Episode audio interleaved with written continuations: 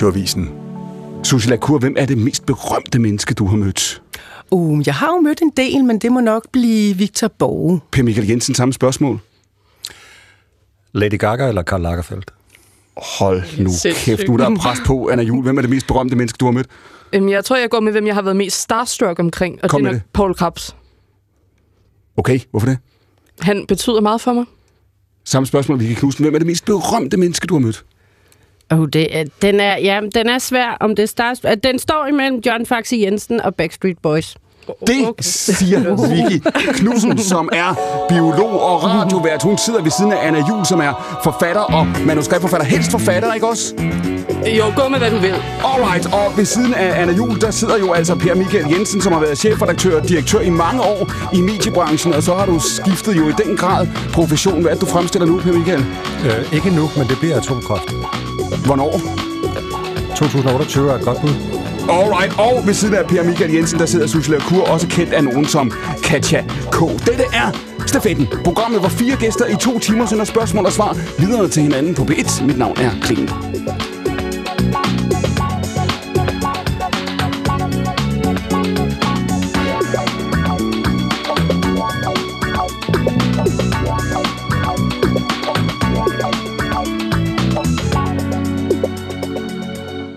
Per Michael Jensen, hvad er det for en tid, vi lever i? Det er en, en interessant tid, hvor verden igen er i gang med at tilpasse sig en, en, en nyopfundet virkelighed, og hvor, øh, hvor øh, der er en del tegn på, at det, som vi har oplevet stort set siden murens fald, altså globaliseringen og alt kan lade sig gøre, og den nye optimisme er på vej retur. Tilhører du dem, der siger, at det her det er anderledes, end det var, at vi har set de sidste halve år, eller måske de sidste 5-10 år, en acceleration af begivenheder og en, en, skal vi sige, en fase, der på en eller anden måde altså tydeligt er ude af vores kontrol? Nej. Hvorfor ikke? Fordi den, resten af din sætning kunne jeg egentlig godt uh, subscribe på, men den sidste del af det ude af vores kontrol, det er jeg ikke enig med dig i. Og det er fordi, at de, de gigantiske tilpasninger, som jeg tror, verden er på vej ind, ind i nu, og som verden mm. måske i virkeligheden er midt i, det er jo noget, vi styrer. Uh, nogle gange er det så de onde, der har overtaget, andre gange er det de gode. Men som regel så lander det et sted, hvorfra vi kommer videre. Så du siger, at du køber analysen af, at det er en dramatisk tid? Mm. Der er store problemer, store udfordringer? Ja. Men ideen, ideen om at sige, at vi er, er ude af kontrol, at vi ikke kan, kan, kan påvirke det, den, den køber du ikke? Nej, det gør jeg ikke. Er du optimist? Ja, men, men realistisk optimist, så jeg ved, at de næste antal år, det kan være 2, 5, 10, 20, øh, kan blive svære. Og for nogle mennesker i, i verden vil de blive meget svære. Og, og det er jo enormt trist for dem, så på den måde kan jeg jo ikke på deres vegne være optimist. Men sådan for, for kloden som helhed, så er jeg optimist. Og dem, der siger, at man har måske levet, vi har levet som verden, som samfund, måske også nogle generationer, måske også Per Mikkel Jensen, din generation, i virkeligheden har levet gennem nogle årtier, hvor vi har troet, at verden var øh, fredeligere, end den har vist sig at være, at fremtiden var lysere, og nu er vi blevet skuffet, nu, nu, øh, nu ringer virkeligheden på døren. Er det rigtigt? Ja, det er lidt rigtigt, fordi alle har det med at leve i deres, i deres egne huler, og vi i Europa har i høj grad levet i vores, vores øh, egen hule, og lige med et er det ikke kun Ukraine og Rusland, men det er også Kina, det er afrikanske lande, det er sydamerikanske repræsenteret ved Brasilien og så videre, som viser os nogle helt nye ansigter i forhold til dem, vi har kendt tidligere. Vicky Knudsen, man siger jo, at den æra, vi lever i nu, hvis vi, tager, hvis vi taler det lange perspektiv, ikke bare det sidste halve år, ikke bare 10, 20, 30 år, hvad, hvad chefredaktøren, al respekt, og studieværterne, al respekt, er gode til at gøre, men hvis man ser det fra et biologisk perspektiv, så siger man jo om, at vi lever nu i den tid, som er menneskets. Det er mennesket, der driver den biologiske udvikling. Hvad ligger der i det? Jamen, det er jo, øh, det er jo fordi, vi, vi fylder rigtig meget, ikke? Så altså, det er kridttiden mere. Vel? Og ikke nu bare dig og mig. Det er, det er kun os to, nej, du snakker lige, om. Nej, lige præcis. Ikke kun dig og mig. Så nu er vi lige pludselig i den antropocene øh, tidsalder, hvor det ligesom er mennesket, der fylder. Og, og, og det hele handler meget om mennesker, kan man sige. Ikke? Det, at, så tager vi den en million år tilbage, så så det ikke helt ud, som det gør i dag. Og det er gået ret stærkt, siden vi mennesker kom til. Ja, lad os lige prøve at holde fast i det, fordi det, du siger nu, det er jo noget, som de er jo simpelthen altså biologer, der siger, når man, altså, man har inddelt, øh, kan du sige, historien i de her faser, og det, man kan se nu, det er, det er mennesket, det er vores påvirkning af planeten, som er dagsordensættende, som er, er, er, er driveren i det her. Hvornår begyndte det?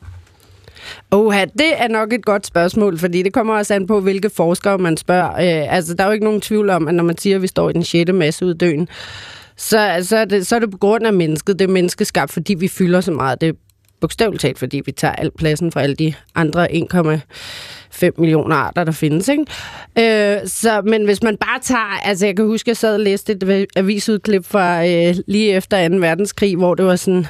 Eller var det lige før? Men det var lige der omkring, hvor det var, uha, og nu er der er kun øh, 500 par storke tilbage i Danmark. Og det er jo sådan en, vi alle sammen kender. Vi kan alle sammen se af storken, og alle ved Siger du, storken. siger du stork eller storker? Storker. Okay, Nej, stork.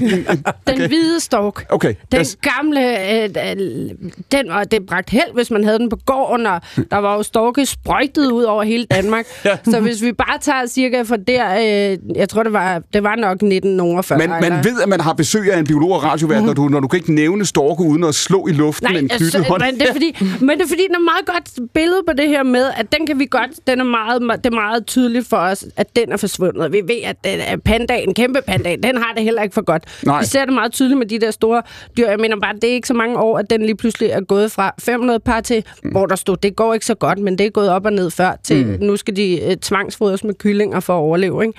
Altså for, har- Pandaerne? Nå, storkene. Undskyld, Storkene, jeg ja. var skulle lige til at sige det. Jeg tror det heller ikke. Nå. Men så er der jo ligesom alle de andre, så bare, altså det, jo mere øh, da industrialiseringen kom, og jo mere effektiv vi bliver, og jo mere vi fylder, jo hurtigere går det jo den Og den vej. der påvirkning, den måde, vi fylder på, du sagde det faktisk før, så siger du, altså, i, fordi i de, øh, i de tidsskalaer, som I arbejder med og kigger på, der er menneskets påvirkning jo her altså meget, meget kort. Ikke? Altså det er Jo. over en meget, meget kort periode, kan du sige, at, at vi har presset os altså helt frem i øh, årsagskæden der. Ikke? Jo, jo, altså selvfølgelig altså staver, stav, øh, staver vi os igennem. Nej, selvfølgelig stammer vi fra æberne, og så har der været neandertalere, og nu ved man også, at der er nok lidt neandertaler-DNA i os alle sammen, og det er lidt forskelligt, hvor meget det er. Men, men hvis der, der, er jo ikke, der er jo kun én art, og det er mennesket. Der er jo ikke flere arter mennesker. og Hvis man tager fugle, så er der øh, omkring 11.000 arter. Ikke? Altså, så vi er også sådan lidt kedelige på den fasong. Men, men vi er ret intelligente, og vi fylder ret meget.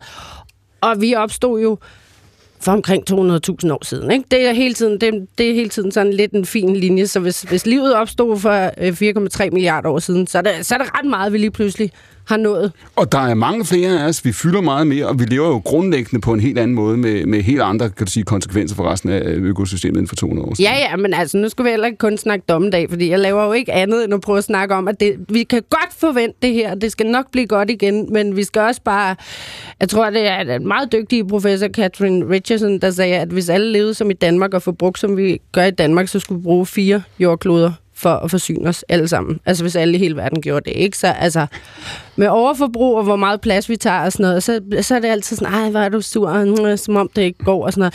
Men, øh, men Så det vil sige, du er i virkeligheden enig, når Per Michael siger først, før, ja, der er store udfordringer, det er dramatiske øh, begivenheder, vi lever igennem. Du siger, vi kan godt påvirke det her, vi er ikke magtesløse. Ja, det synes jeg.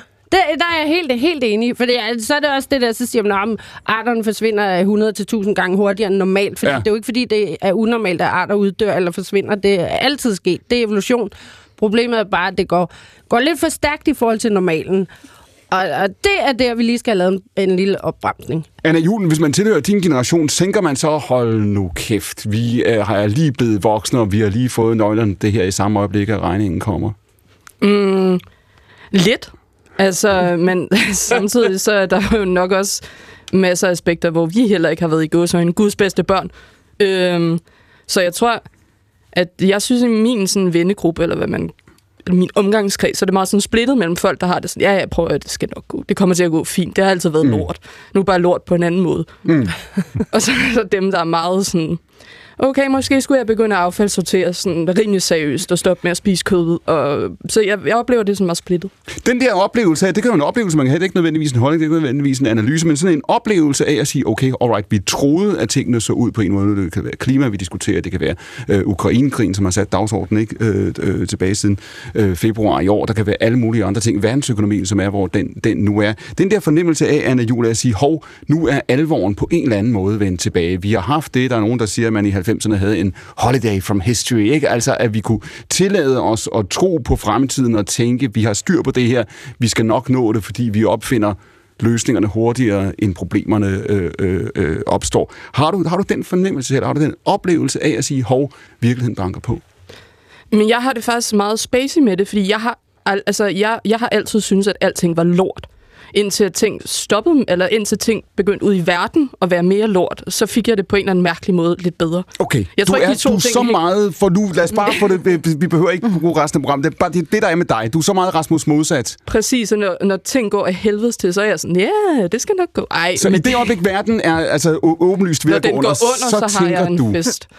Nej, det tror jeg ikke, men jeg, jeg det ved er, bare for, det er bare fornøjelsen af ved at være lidt foran, der så slår igennem, ikke? Jamen, jeg ved faktisk ikke helt, hvad det handler om, men for mig er det i hvert fald mere sådan, jeg, jeg kan ikke helt genkende det der med, men det er nok noget, der har været inde i mig, det der med, at alting skulle have været så godt, indtil det blev så dårligt. Jeg synes, Nej. det var rimelig dårligt op til.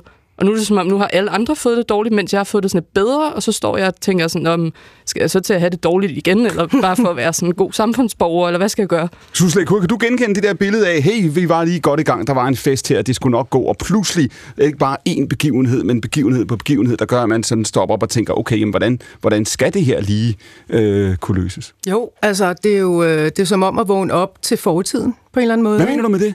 Jamen altså, i, øh, i, i 80'erne var vi jo øh, øh, virkelig bange for atomkrig. Ja. Øh, og og altså, det kan jeg bare huske. Jeg, jeg var dødsens angst for atomkrig, og det, det varede jo altså, i mange, mange år, øh, som var sådan en, blev sådan en grundangst. Øhm, og den føler jeg sådan set ikke, jeg har haft siden pandemien så kom. Hvor, hvor, hvor igen, altså en, en kæmpe, øh, totalt omvæltende øh, verdens øh, situation, som lige pludselig også vedrørte os i lille Danmark. Ikke? Mm. Fordi vi har jo altid den følelse i Danmark, at vi går altid under radaren. Ikke? Der sker aldrig noget for os, fordi vi er så heldige. Øhm, så, så, så det var sådan en følelse af, at øh, shit mand, verden er blevet endnu mindre igen. Øh, og, vi, og vi er virkelig afhængige af hinanden. Og noget, der ikke kun var, kan du sige, abstrakt, eller om det næste hjørne, eller bag horisonten, Ja. men her og nu. Ja, altså en følelse af, at uh, you can run, but you can't hide.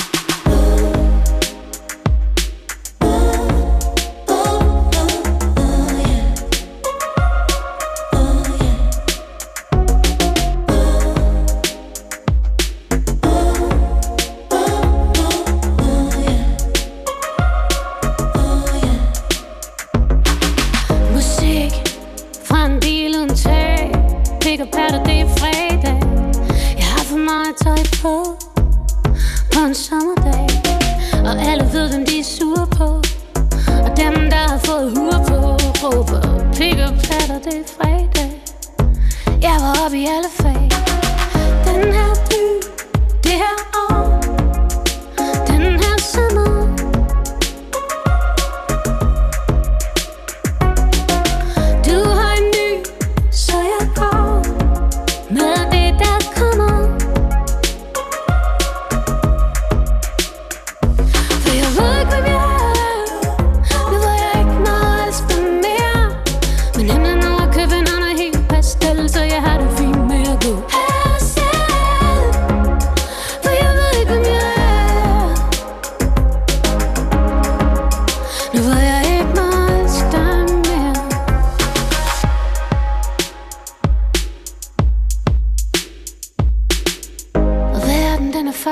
difficult.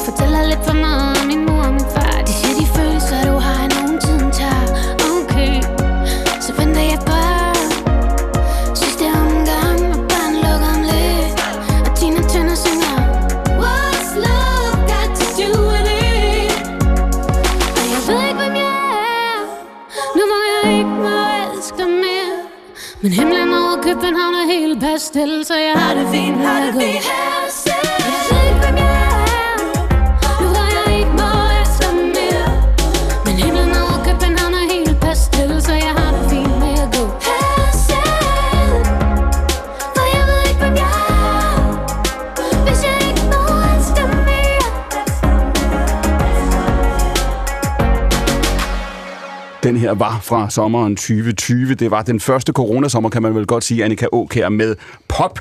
Undertitlen er Himlen over København. Anna Jul, hvem er penge, og hvem er bacon? Jamen, Penge og Bacon er mine to vandrende pinde Og så i øvrigt også titlen på den på bog. min øh, seneste roman. Og de er, er de nu, du ved, man ser jo meget om autofiktion i de her år, hvad der er rigtigt og hvad der ikke er. Har du to vandrende pinde? Jeg har faktisk, jeg startede ud med syv. Der er to tilbage. Hvad skete der så? Jamen, jeg gav øh, to af dem væk til min venindes lille søster på 22.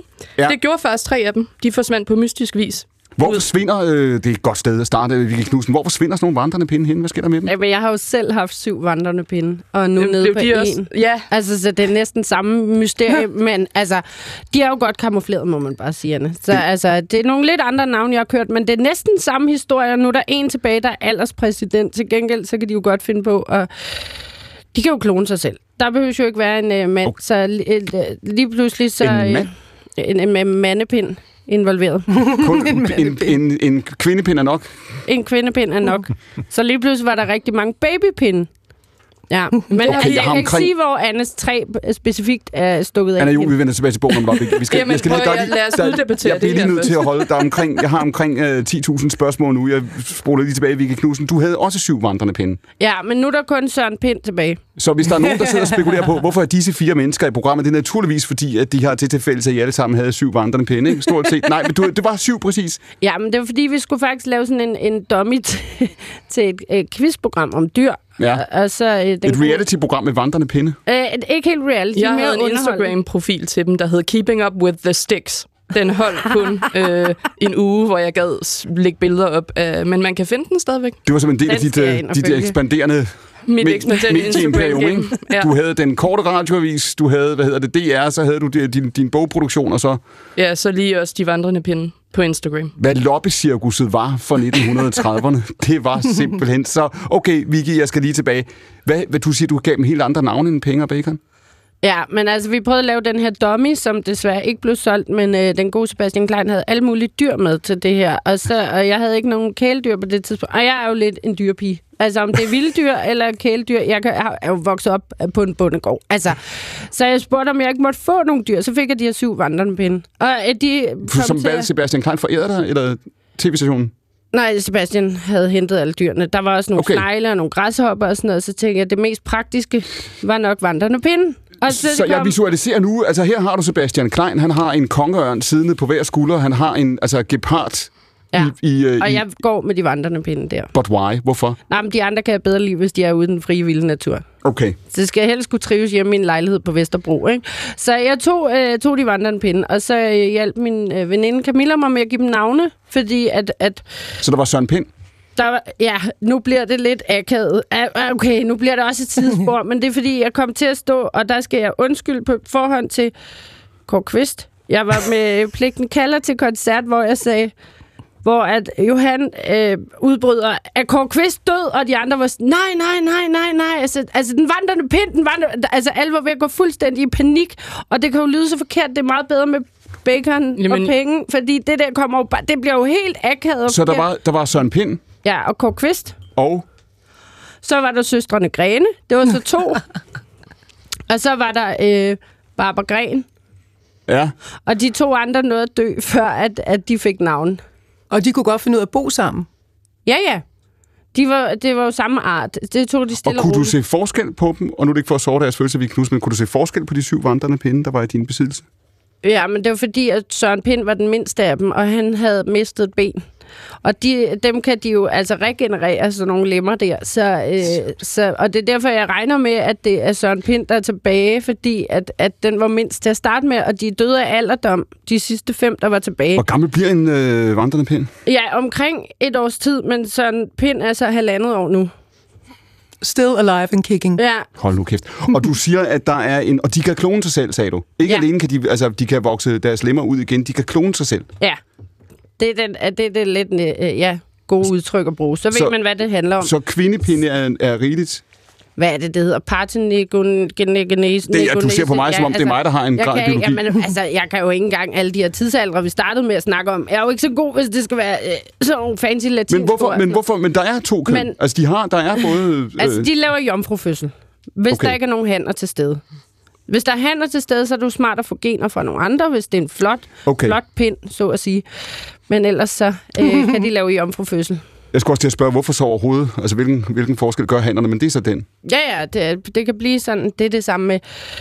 Ja, men alle dem, der kan lave øh, jomfrufødsel, der er det smart nogle gange at Og få nogle gener fra Når nogle de andre. kloner sig, er klonen så identisk med den pind, den er De klonet? har rigtig meget genmateriale, mm, der er man til mor. Lad os bare være ærlige. Men det er jo det samme, hvis man ser på gedehamse, eller humlebier, eller myrer. Altså, der er der jo også en dronning, der overvinter og lægger nogle æg, der bliver arbejder.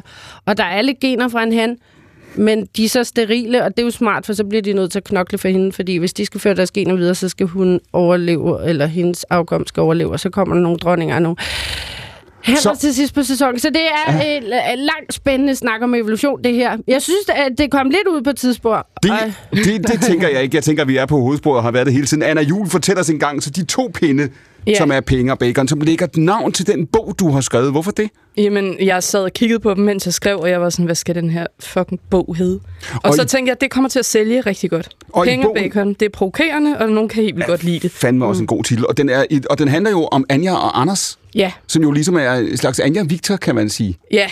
Det var også, hvor jeg tænkte, sådan, de skal, det er noget med alliterationsspektrum, Ja. har noget med A. Øh, Adam og Eva. ja, Anja det skulle Victor. lyde sådan lidt, lidt ligesom det. Ja. Ja.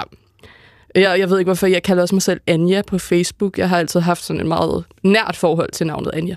Og det her par er, sidder så i, i, i København på Østerbro, Ja, da der foregår et lockdown, som lidt er og lidt ikke er det, vi prøvede alle sammen. Ja, det er lidt det, vi prøvede, bare endnu værre, fordi det er, man har indset, at det går for sløjt med klimaet, så man skal ligesom lige have banket det her CO2-niveau ned på et øh, mindeligt niveau igen, før man basically skal fortsætte, som intet var hent. Og nu, nu spørger jeg bare her, nu måske ligesom Jævns advokat, når man nu ser, fordi det er jo lidt den kreative klasse, du beskriver her, ikke? Det er jo lidt de, er jo, hun, hun gør Anja syr dragter Det er til. sådan Instagram... Øh, Anja har ingen personlighed. Hun har kun facade, grundlæggende. Vil Det- jeg gå så vidt som til at sige. Er det sådan, du ser den kreative klasse? Altså nu, nu så skal jeg jo også kigge vældig meget indad, for jeg kan jo ikke rigtig undslippe at være Du for kan, en bare nøjes kreativ med at kigge, klasse. du kan bare nøjes med at kigge på mig. Jeg spørger igen. Anna Jul, er det sådan, du ser den kreative klasse? Kun facade, ingen personlighed. Nej, men måske sådan en, en 70-30 fordeling. Er du enig i det, Per Michael? Ja. Ja, det er godt. Nå, så Anna Jul, så det, det her klimalockdown kører. Her sidder øh, øh, Anja og Anders i deres øh, Østerbro-lejlighed. Så kommer mit djævnens advokatspørgsmål her, som er at sige, hvor anderledes bliver deres tilværelse i grunden af det her lockdown? Fordi sad de ikke ret meget i den lejlighed og så Netflix også før? Jo, men hele bevidstheden om, at man ikke gjorde det frivilligt. Altså, fordi jeg tror, jeg oplevede i hvert fald for mig selv, da der var corona-lockdown, altså så meget ændrede mit liv sig egentlig heller. Jeg var også vældig deprimeret før, så jeg lå bare primært i på min sofa. Men bare alene det, at jeg ikke kunne gøre noget andet, bare ikke, jeg havde ikke muligheden for at gøre det, gjorde mig pisse sur. Så det er lidt det samme, som Anja i romanen kæmper med, fordi rigtig nok, hun laver ikke, hun bruger ikke sin frihed til en skid. Så Men det hun bruger internettet ja. meget, og det bliver jo fjernet. ja, ja, det er selvfølgelig rigtigt. Og så, så på den måde bliver hun, kan man sige, fanget til sidst. Det er der, hvor det gør en... en og vel også det, der adskiller det fra, kan vi sige, det lockdown, vi var igennem. Ikke? Ja, så havde hun jo meget alenetid før, og nu skal hun tilbringe sin alenetid sammen med Anders, som det nok viser sig, at hun i virkeligheden ikke specielt godt kunne lide. Og mm. den der tilværelse, det er jo, kan du sige, så er det den kreative klasse, og det er på Østerbro, og det er alt det her, men det er vel også, kan du sige, altså bredere genkendeligt. Ser du de her mennesker, øh, øh, Anna, ser du dem som nogen, der lever nogle helt særlige liv og en helt særlig boble, eller tænker du, det, det er faktisk der, mange af os øh, øh, er, eller måske stræber efter at være i virkeligheden? Men jeg tror i hvert fald, at jeg tænkte meget over det der med kedsomhed som grundvilkår. Altså, jeg tror, vi er blevet sådan sindssygt bange for keder, som os selv inklusiv. For det er blevet så nemt ikke at gøre det. Øhm, og når man så bliver henstillet til en tilstand af kedsomhed, så tror jeg, at mange går sådan lidt i panik. Mm. Fordi man får jo i sagens natur også utrolig meget tid med sine egne tanker og sine egne følelser. Og det er ikke altid nødvendigvis super fedt. Heldigvis for alle dukkede far umiddelbart efter op i spisestuen. Skulle vi aldrig danse om det skide juletræ og få det overstået? Spurgte han på den måde, hvor noget ikke er et spørgsmål, men mere en ordre, så vi rejste os op og gik ind i stuen, der ud over at være en stue også indeholder en brændeovn. Vi synger altid Thomas Helmis sang, når vi går om juletræet. For far tror ikke på nisser og græn og så videre. Han tror mere på virkeligheden, og det må man jo sige, at Thomas Helmi repræsenterer. Så vi nåede igennem både, det er mig, der står herude og banker på, og Stupid Man, inden far fik nok og erklærede julen for slut. Er det Ja. virkeligheden, som Thomas Helmi repræsenterer, Anna Jul? Jamen, jeg ved ikke, altså nogle gange, det er jo, det er jo derfor, jeg, det er sådan lidt svært, når jeg bliver grillet, fordi jeg ved ikke, hvor de her ting kommer fra, egentlig. altså sådan, jeg har ingen idé. Jeg, det var sådan, jeg tror faktisk, det kom sig af, at Det er din underbevidsthed her. Hvis Ja. man kigger ned i din underbevidsthed, så hører man, ser man en familie, der synger Thomas Helmi om juletræet. Ja, og så var jeg også sådan, jamen okay, hvad er det modsatte af en julesalme? Det er måske Thomas. Ej, okay, nu har han jo også faktisk lavet en julesang. Altså, Men den har en lidt anden vibe. Per Michael. jeg, jeg har været kæreste med Thomas' storesøster. Nej. Nej. Men kun i, og jeg spiller fodbold med Thomas, men kun i det store spisefrikvarter, så slog hun op i det korter, der fulgte efter. Ej, hvor cute. Hold nu kæft. Kan du se, hvad det er, det her program kan, Per Michael? Så baseret på den ekspertise, som du lige har afsløret. så så du, du siger, du, men du siger, Anna Jul, du siger, det er det, det omvendte af en julesang, der tænker du, det er det, det her. Men det er også bare... Jeg elsker Thomas Helmi, men det er også meget sådan fadelspølset på en eller anden mærkelig måde. Og der, vi kan jo godt lide at ophøje julen til et eller andet helt særligt, og så synes jeg bare, det var sjovt tanken om, at man gik rundt og sang en Det er mig, der står ude og banker på. Lever vi i en tid, tænker du, Anna Jul, også når vi, når vi tager... Altså, der er jo også noget dejligt, både, altså, både kan man sige, sentimentalt og usentimentalt, med en far, der insisterer på at synge Thomas Helmi. Ikke? Altså, det er et mere personligt valg, ikke? End, Jo, den Folk- far, det er klart for den generation af mænd, som praler lidt med, at de ikke har nogen følelser. ja. Mm. Ja, ja, jeg skal bare bede... Det sagde du, det, du sagde bare beslut som mm, mm, derovre fra, Vicky Knudsen. Ja. Er vi, øh, lever vi, Anna Jul, tænker du, lever vi i en tid nu, og det er et åbent spørgsmål her, lever vi i en tid, hvor vi søger øh, øh, rettesnore, vi søger traditioner, vi vender os tilbage, vi vender os mod naturen, vi vender os mod fortiden, vi dyrker i, i det her tilfælde af det her land, danskheden og det, vi kender, øh, øh, mere end vi gjorde for nogle år siden. Altså, er vi, ligger, er vi i et øjeblik der, hvor vi tænker, hold kæft, vi skal have noget at holde fast i? Jamen, det jeg har tænkt i hvert fald meget over i forbindelse med det, det er det her sådan... Det føles lidt som om, at efter at... Jeg ved godt, kirke og stat er ikke adskilt og hjerte hjerte. Men efter vi sådan lidt kollektivt har besluttet os for, at Gud på en eller anden måde er død. De Ja. fleste af os øh, har sådan et mere afdæmpet forhold til Gud. Ja. Så som om, vi har glemt, at livet også nogle gange er lidelse. Og det er som om, at alting nu handler om at få det så godt som muligt.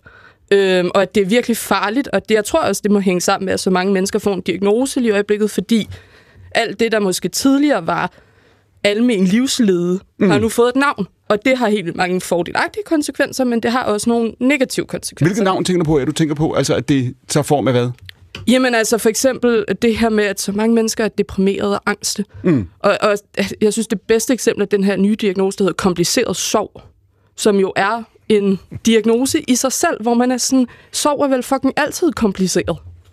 Altså, og det er vel meningen, at det skal gøre fucking nas at miste nogen. Men du starter med at sige, at du har altid gået og været lidt sådan, altså knæven på verden, ikke? Det har jeg helt klart. Øhm, og det ved jeg ikke om... Altså, jeg, jeg, nu har jeg jo så også fået mange diagnoser efterhånden.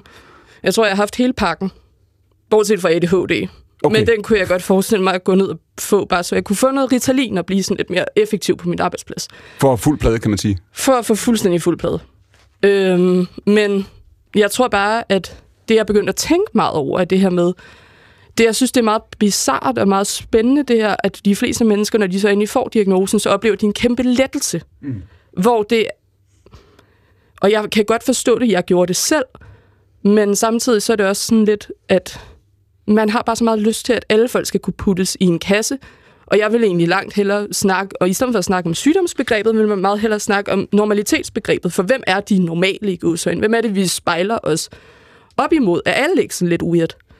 Så du siger i virkeligheden, der, kan, der er tegn på, som du ser det, og som du oplever det her, øh, Anna Jul, så siger du, der på en eller anden måde er vores billede af, hvad er en normal tilværelse, og hvor lykkelig Præcis. skal en normal tilværelse være, det er også det, jeg har hørt dig sige. Jamen det er det, og ikke fordi jeg siger, at vi alle sammen skal gå rundt og have det lige så nederen, som jeg har haft det. Så synes jeg klart, at man skal søge hjælp, øh, og altid generelt bare søge den hjælp. Men der er også noget med sådan, at det er bare nogle gange også fucking hårdt at være menneske. Og det tror jeg, hvis ikke det her diagnosesamfund skal løbe fuldstændig løbsk, mm. og vi skal Altså, det koster jo i forvejen dobbelt så meget for samfundet om året psykisk sygdom, som mm. kræft gør. Mm. Og hvis det ikke skal eskalere fuldstændig sådan ud af, øh, ud af proportioner, tænker jeg, så, så bliver vi vel også nødt til at indstille os på, at livet måske ikke altid er så godt, som man kigger på andre. Og som, det ser ud, som om andre har det. Måske. Er lykken et valg? Jamen, jeg, Det er jeg et spørgsmål, du stiller i bogen, ikke? Jo, men jeg lavede en afgangsfilm på filmskolen med min ekskæreste, hvilket var jordklodens dårligste idé. øhm, det var virkelig svært og virkelig hårdt. Øhm, og jeg synes ikke engang, der kom et specielt godt produkt. Men anyhow, der øhm, fandt vi sådan en udtalelse fra faktisk flere parterapeuter, som var sådan, at øhm, et parforhold eller kærlighed består af 80% valg og 20% følelser. Jeg ved ikke, hvor de har fået det der sådan, procentsats fra, men jeg synes, der var noget meget interessant i det. Fordi jeg tror, det er lidt samme med sådan lykken på en eller anden måde. Mm. Altså, jeg tror, jeg har i hvert fald, jeg har efter at have arbejdet utrolig, utrolig meget med mig selv, er jeg blevet mere i stand til at kunne sådan ikke feede af min egen dårligdom, fordi jeg har bare fundet ud af, at det er fucking meget nemmere at blive ved med at have det dårligt, end det er at kæmpe for at få det bedre.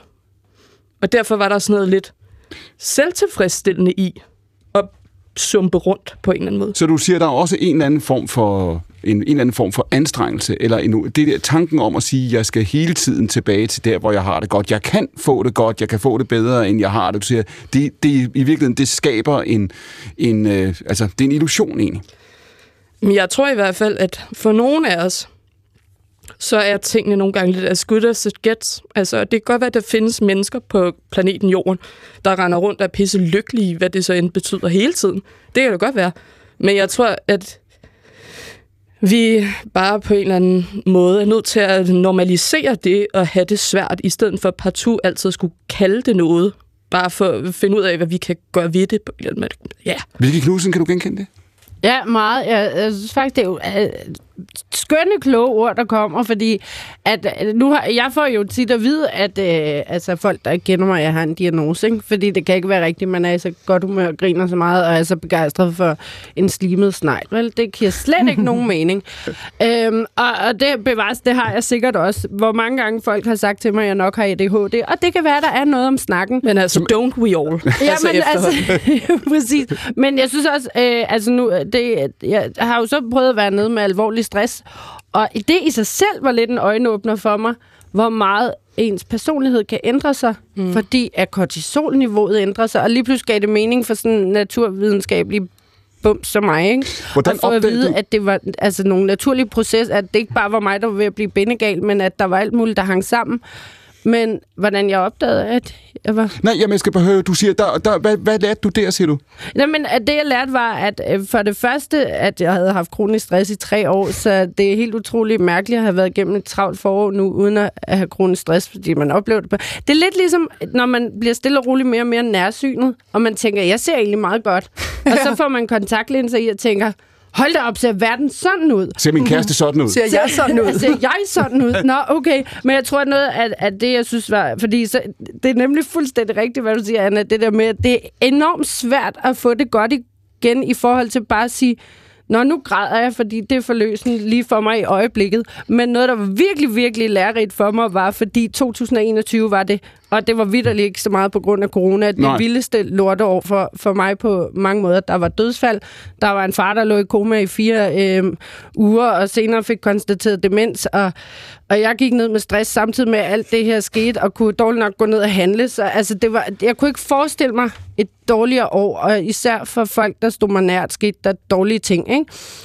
Og, men, og det der med lige pludselig at gribe sig selv og gå utrolig meget til psykolog, og, og så siger jeg, men det kan jo heller ikke blive værre. Så siger hun også på et tidspunkt, "Men du skal også huske på, det er jo ikke fordi, at der ikke kommer til at ske dårlige og slemme ting igen, så man bliver bare nødt til ligesom at kunne handle på det, og, og finde ud af, hvor meget energi har man i løbet af en dag.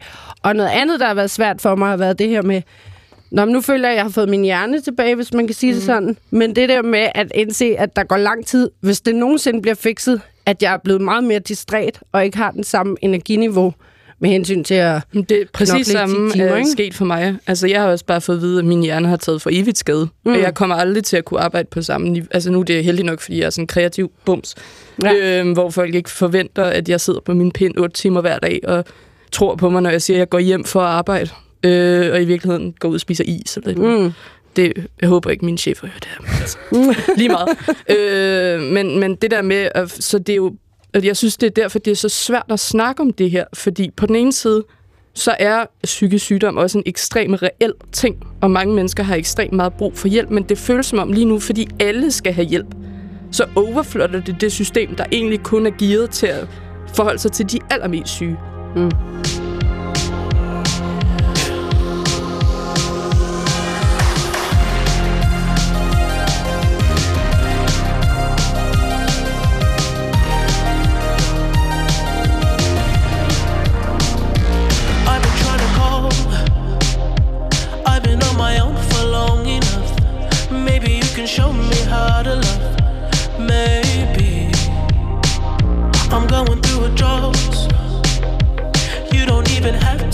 too much.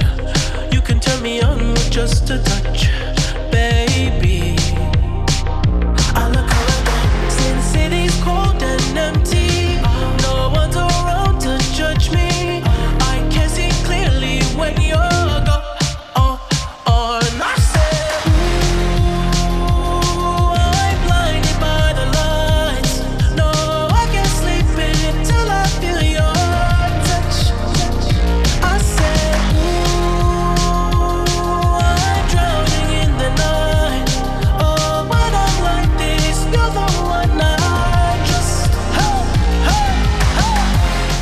Per Michael Jensen, går vi rundt i vores tid i de her årtier med en idé om, at tilværelsen er lettere og lykkeligere, end den bare sådan rent gennemsnitligt er? Det ved jeg ikke, men, men, men øh, nu nævnte du selv Gud lige før, og, øh, og Gud er jo, øh, er jo sådan, altså han er, han er ude af billedet, han fylder ikke så meget af vores liv, han er ikke nogen trussel, han er ikke nogen, eller hun, øh, vred, øh, satan, ja, det er han så ikke. Men, Jeg tror, men, at Gud er en mand. det kan godt være. Men, men, men som sidder et eller andet sted og, og kigger på os og sørger for at holde øje med, om vi opfører os ordentligt.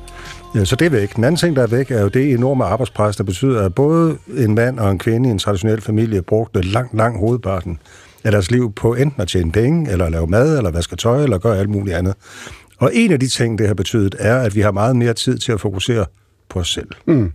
Og den generation, som er repræsenteret her, måske særligt dem, der er lidt yngre end mig, har oplevet alle de friheder, alt det, alt det gode, der kan komme ud af det, men også nogle af, af de øh, sideproblemer, som kommer ved det, mm. som ikke altid er godt. Jeg mødte engang en mand i Jylland, som var landmand, og som sagde til en, jeg kender vældig godt, som sagde, ved du hvad, hvis du bliver ved med at gå og pille dig selv så meget i navlen, så går knuden op, og så falder røven ned.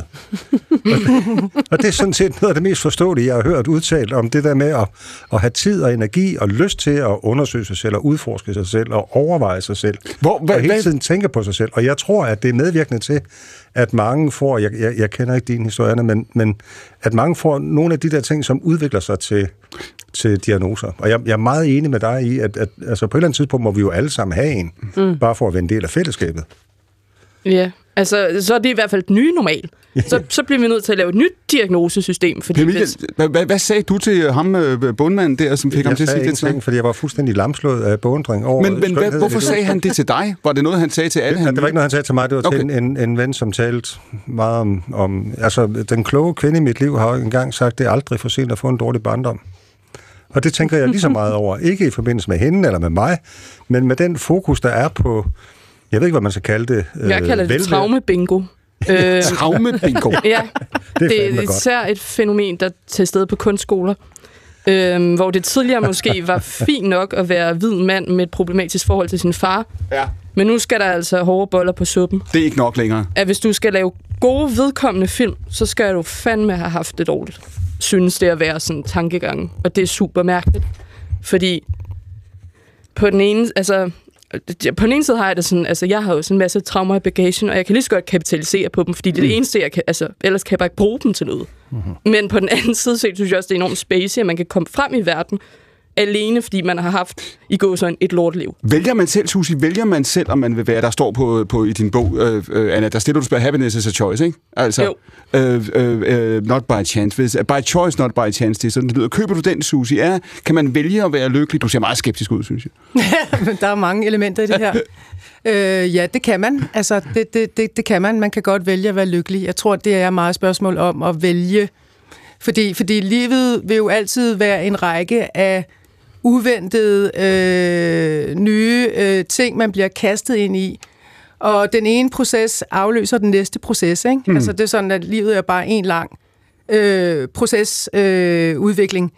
Øhm, og hvis man hver gang skal igennem et totalt drama, øh, hver gang der opstår en krise, og man ikke er i stand til netop at altså, trække vejret og tro på, at vi skal nok komme igennem det, og ikke kun at vi, vi skal komme igennem det, men der selvfølgelig er noget at lære igennem den proces, vi netop skal igennem, så, så kan man jo leve et liv i total kaos øh, og, og drama, øh, og, og faktisk på en eller anden måde blive sådan, øh, ja, lidt bims i hovedet over, altså netop ikke at, at kunne finde meningen med galskaben. Mm. Ikke? Mm.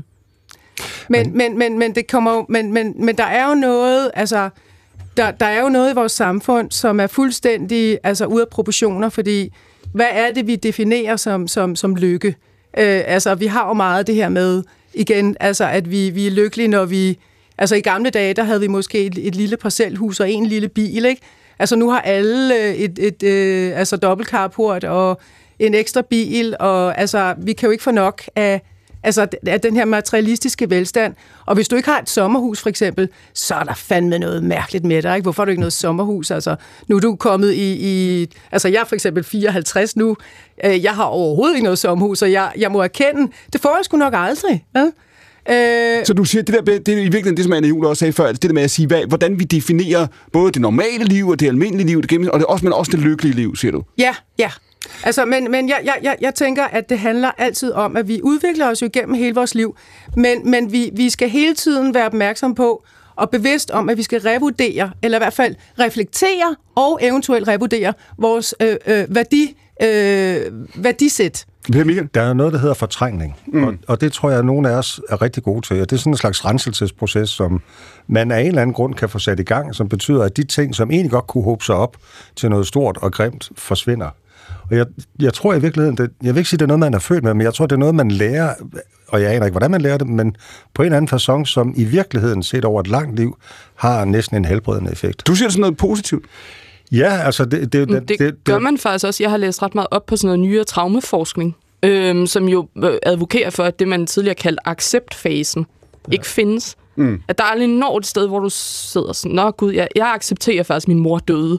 Eller jeg accepterer, at jeg har været syg 12 år. Eller at man i stedet stopper i fasen sådan lige inden, hvor man tilpasser sit liv, det man har været ude for, men også giver det mindre plads. I, egentlig. I starten af den her, i starten af den her snak, Anna Jul, der sagde du ligesom, vi, vi blev enige om, at verden er, er ved at gå under, ikke? For til nye lyttere øh, kan jeg lige opdatere på det. Uh, hvad hedder det? Og så sagde du, når men det er i virkeligheden, du oplever i virkeligheden, at den bekymring, som du selv har gået med, eller det billede af at sige, der er noget, der er noget galt her, i virkeligheden er der et, et lille element af nu bruger vi ordet lettelse, i at sige, hey, jeg er ikke den eneste, der mener det her. Det, du fik det næsten til at lyde som om, at jo værre det går ude i, han sagt, i virkeligheden, jo, jo, jo mere tænker du hvad? Ja.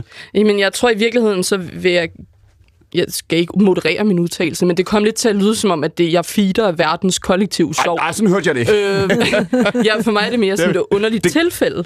Øhm, men det er bare... Det, og det, det fører så til mit spørgsmål, som selvfølgelig var at sige, men er det fordi, at verden er blevet anderledes, eller du oplever den på en anden måde, eller er det også fordi, at du selv måske har perspektiv på nogle af de ting, som fyldte meget for dig tidligere, som du bedre kan håndtere nu? Jamen, jeg tror, at dels det har hjulpet mig at blive ældre.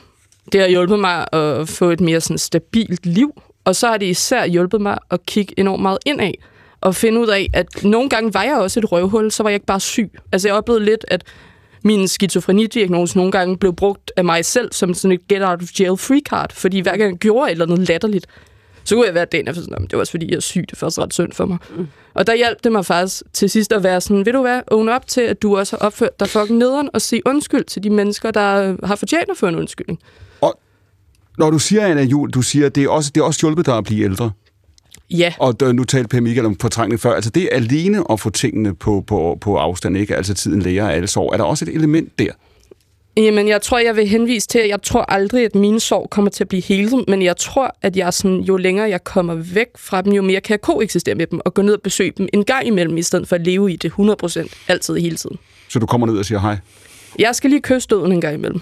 Det siger Anna Jul. Hun står ved siden af Vicky Knudsen, der jo er biolog og radiovært. På den anden side, der sidder Per Michael Jensen, chefredaktør, direktør. Direktør, det er han stadig. Branchen har han skiftet, der vender vi tilbage til i time 2. Og ved siden af Per Michael Jensen, der sidder Susie Lacour af nogen kendt som Katja K. Dette er stafetten programmet på P1, hvor fire gæster i to timer sender både spørgsmål og svar, og dem er der en del af videre til hinanden.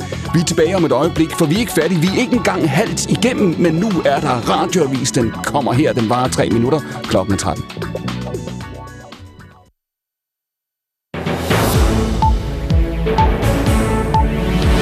Op mod 10 procent af kvinder i den fødedygtige alder lider af sygdommen endometriose, der blandt andet kan give voldsomme smerter og blødninger ved menstruation og samleje. Men det er under hver femte, der har sygdommen, der får den rette diagnose, og mange får den først meget sent, viser et nyt forskningsprojekt fra Aarhus Universitet.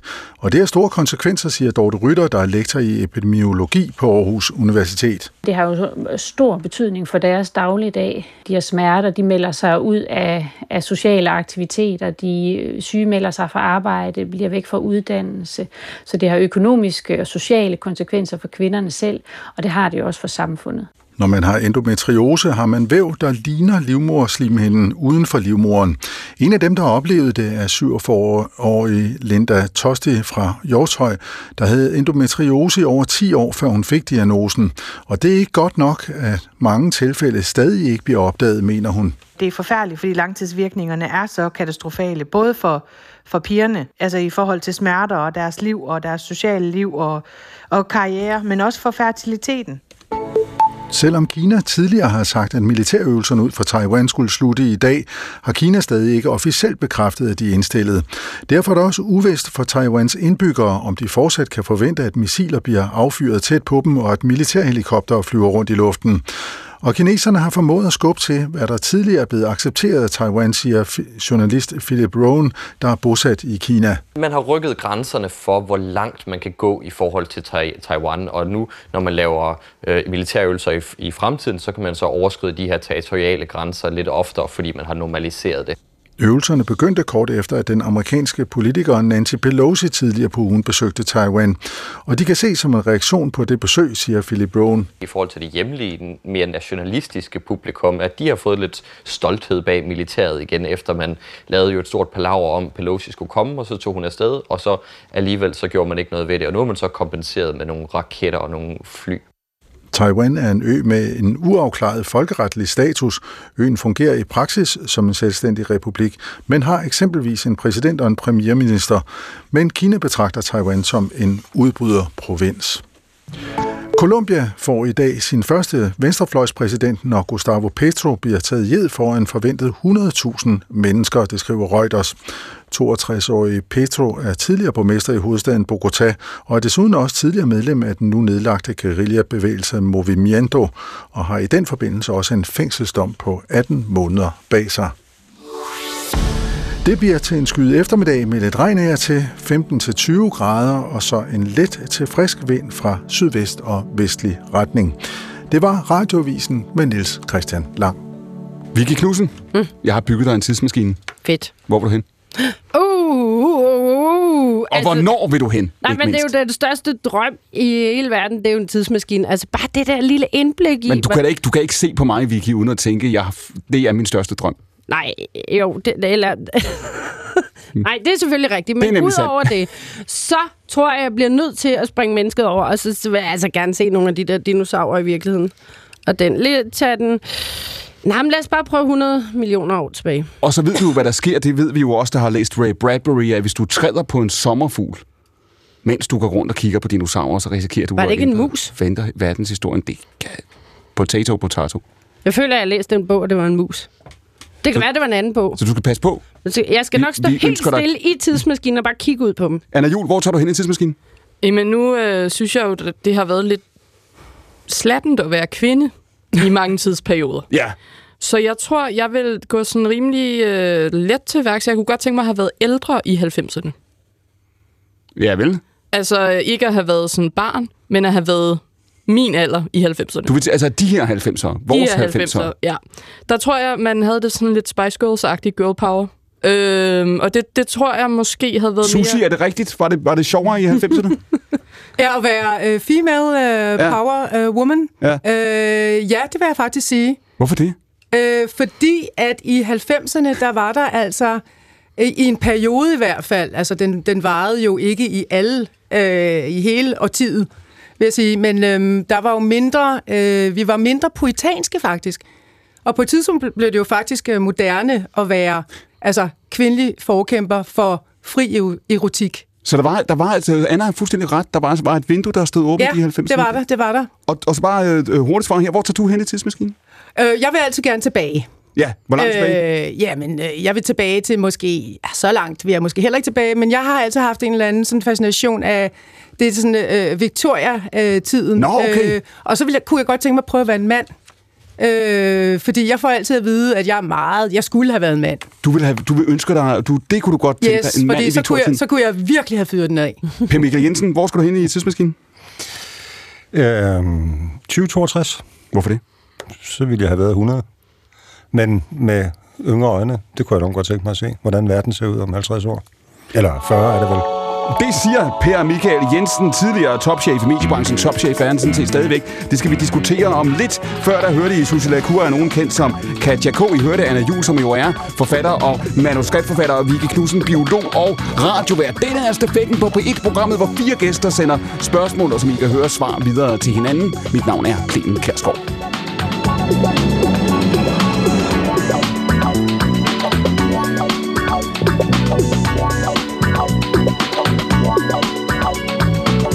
Alright, Susie, vi var jo på et tidspunkt, det er, det er måske en times tid siden nu, der var du ved at stille Per Michael et spørgsmål. Hvad var det, du var ved at spørge ham om?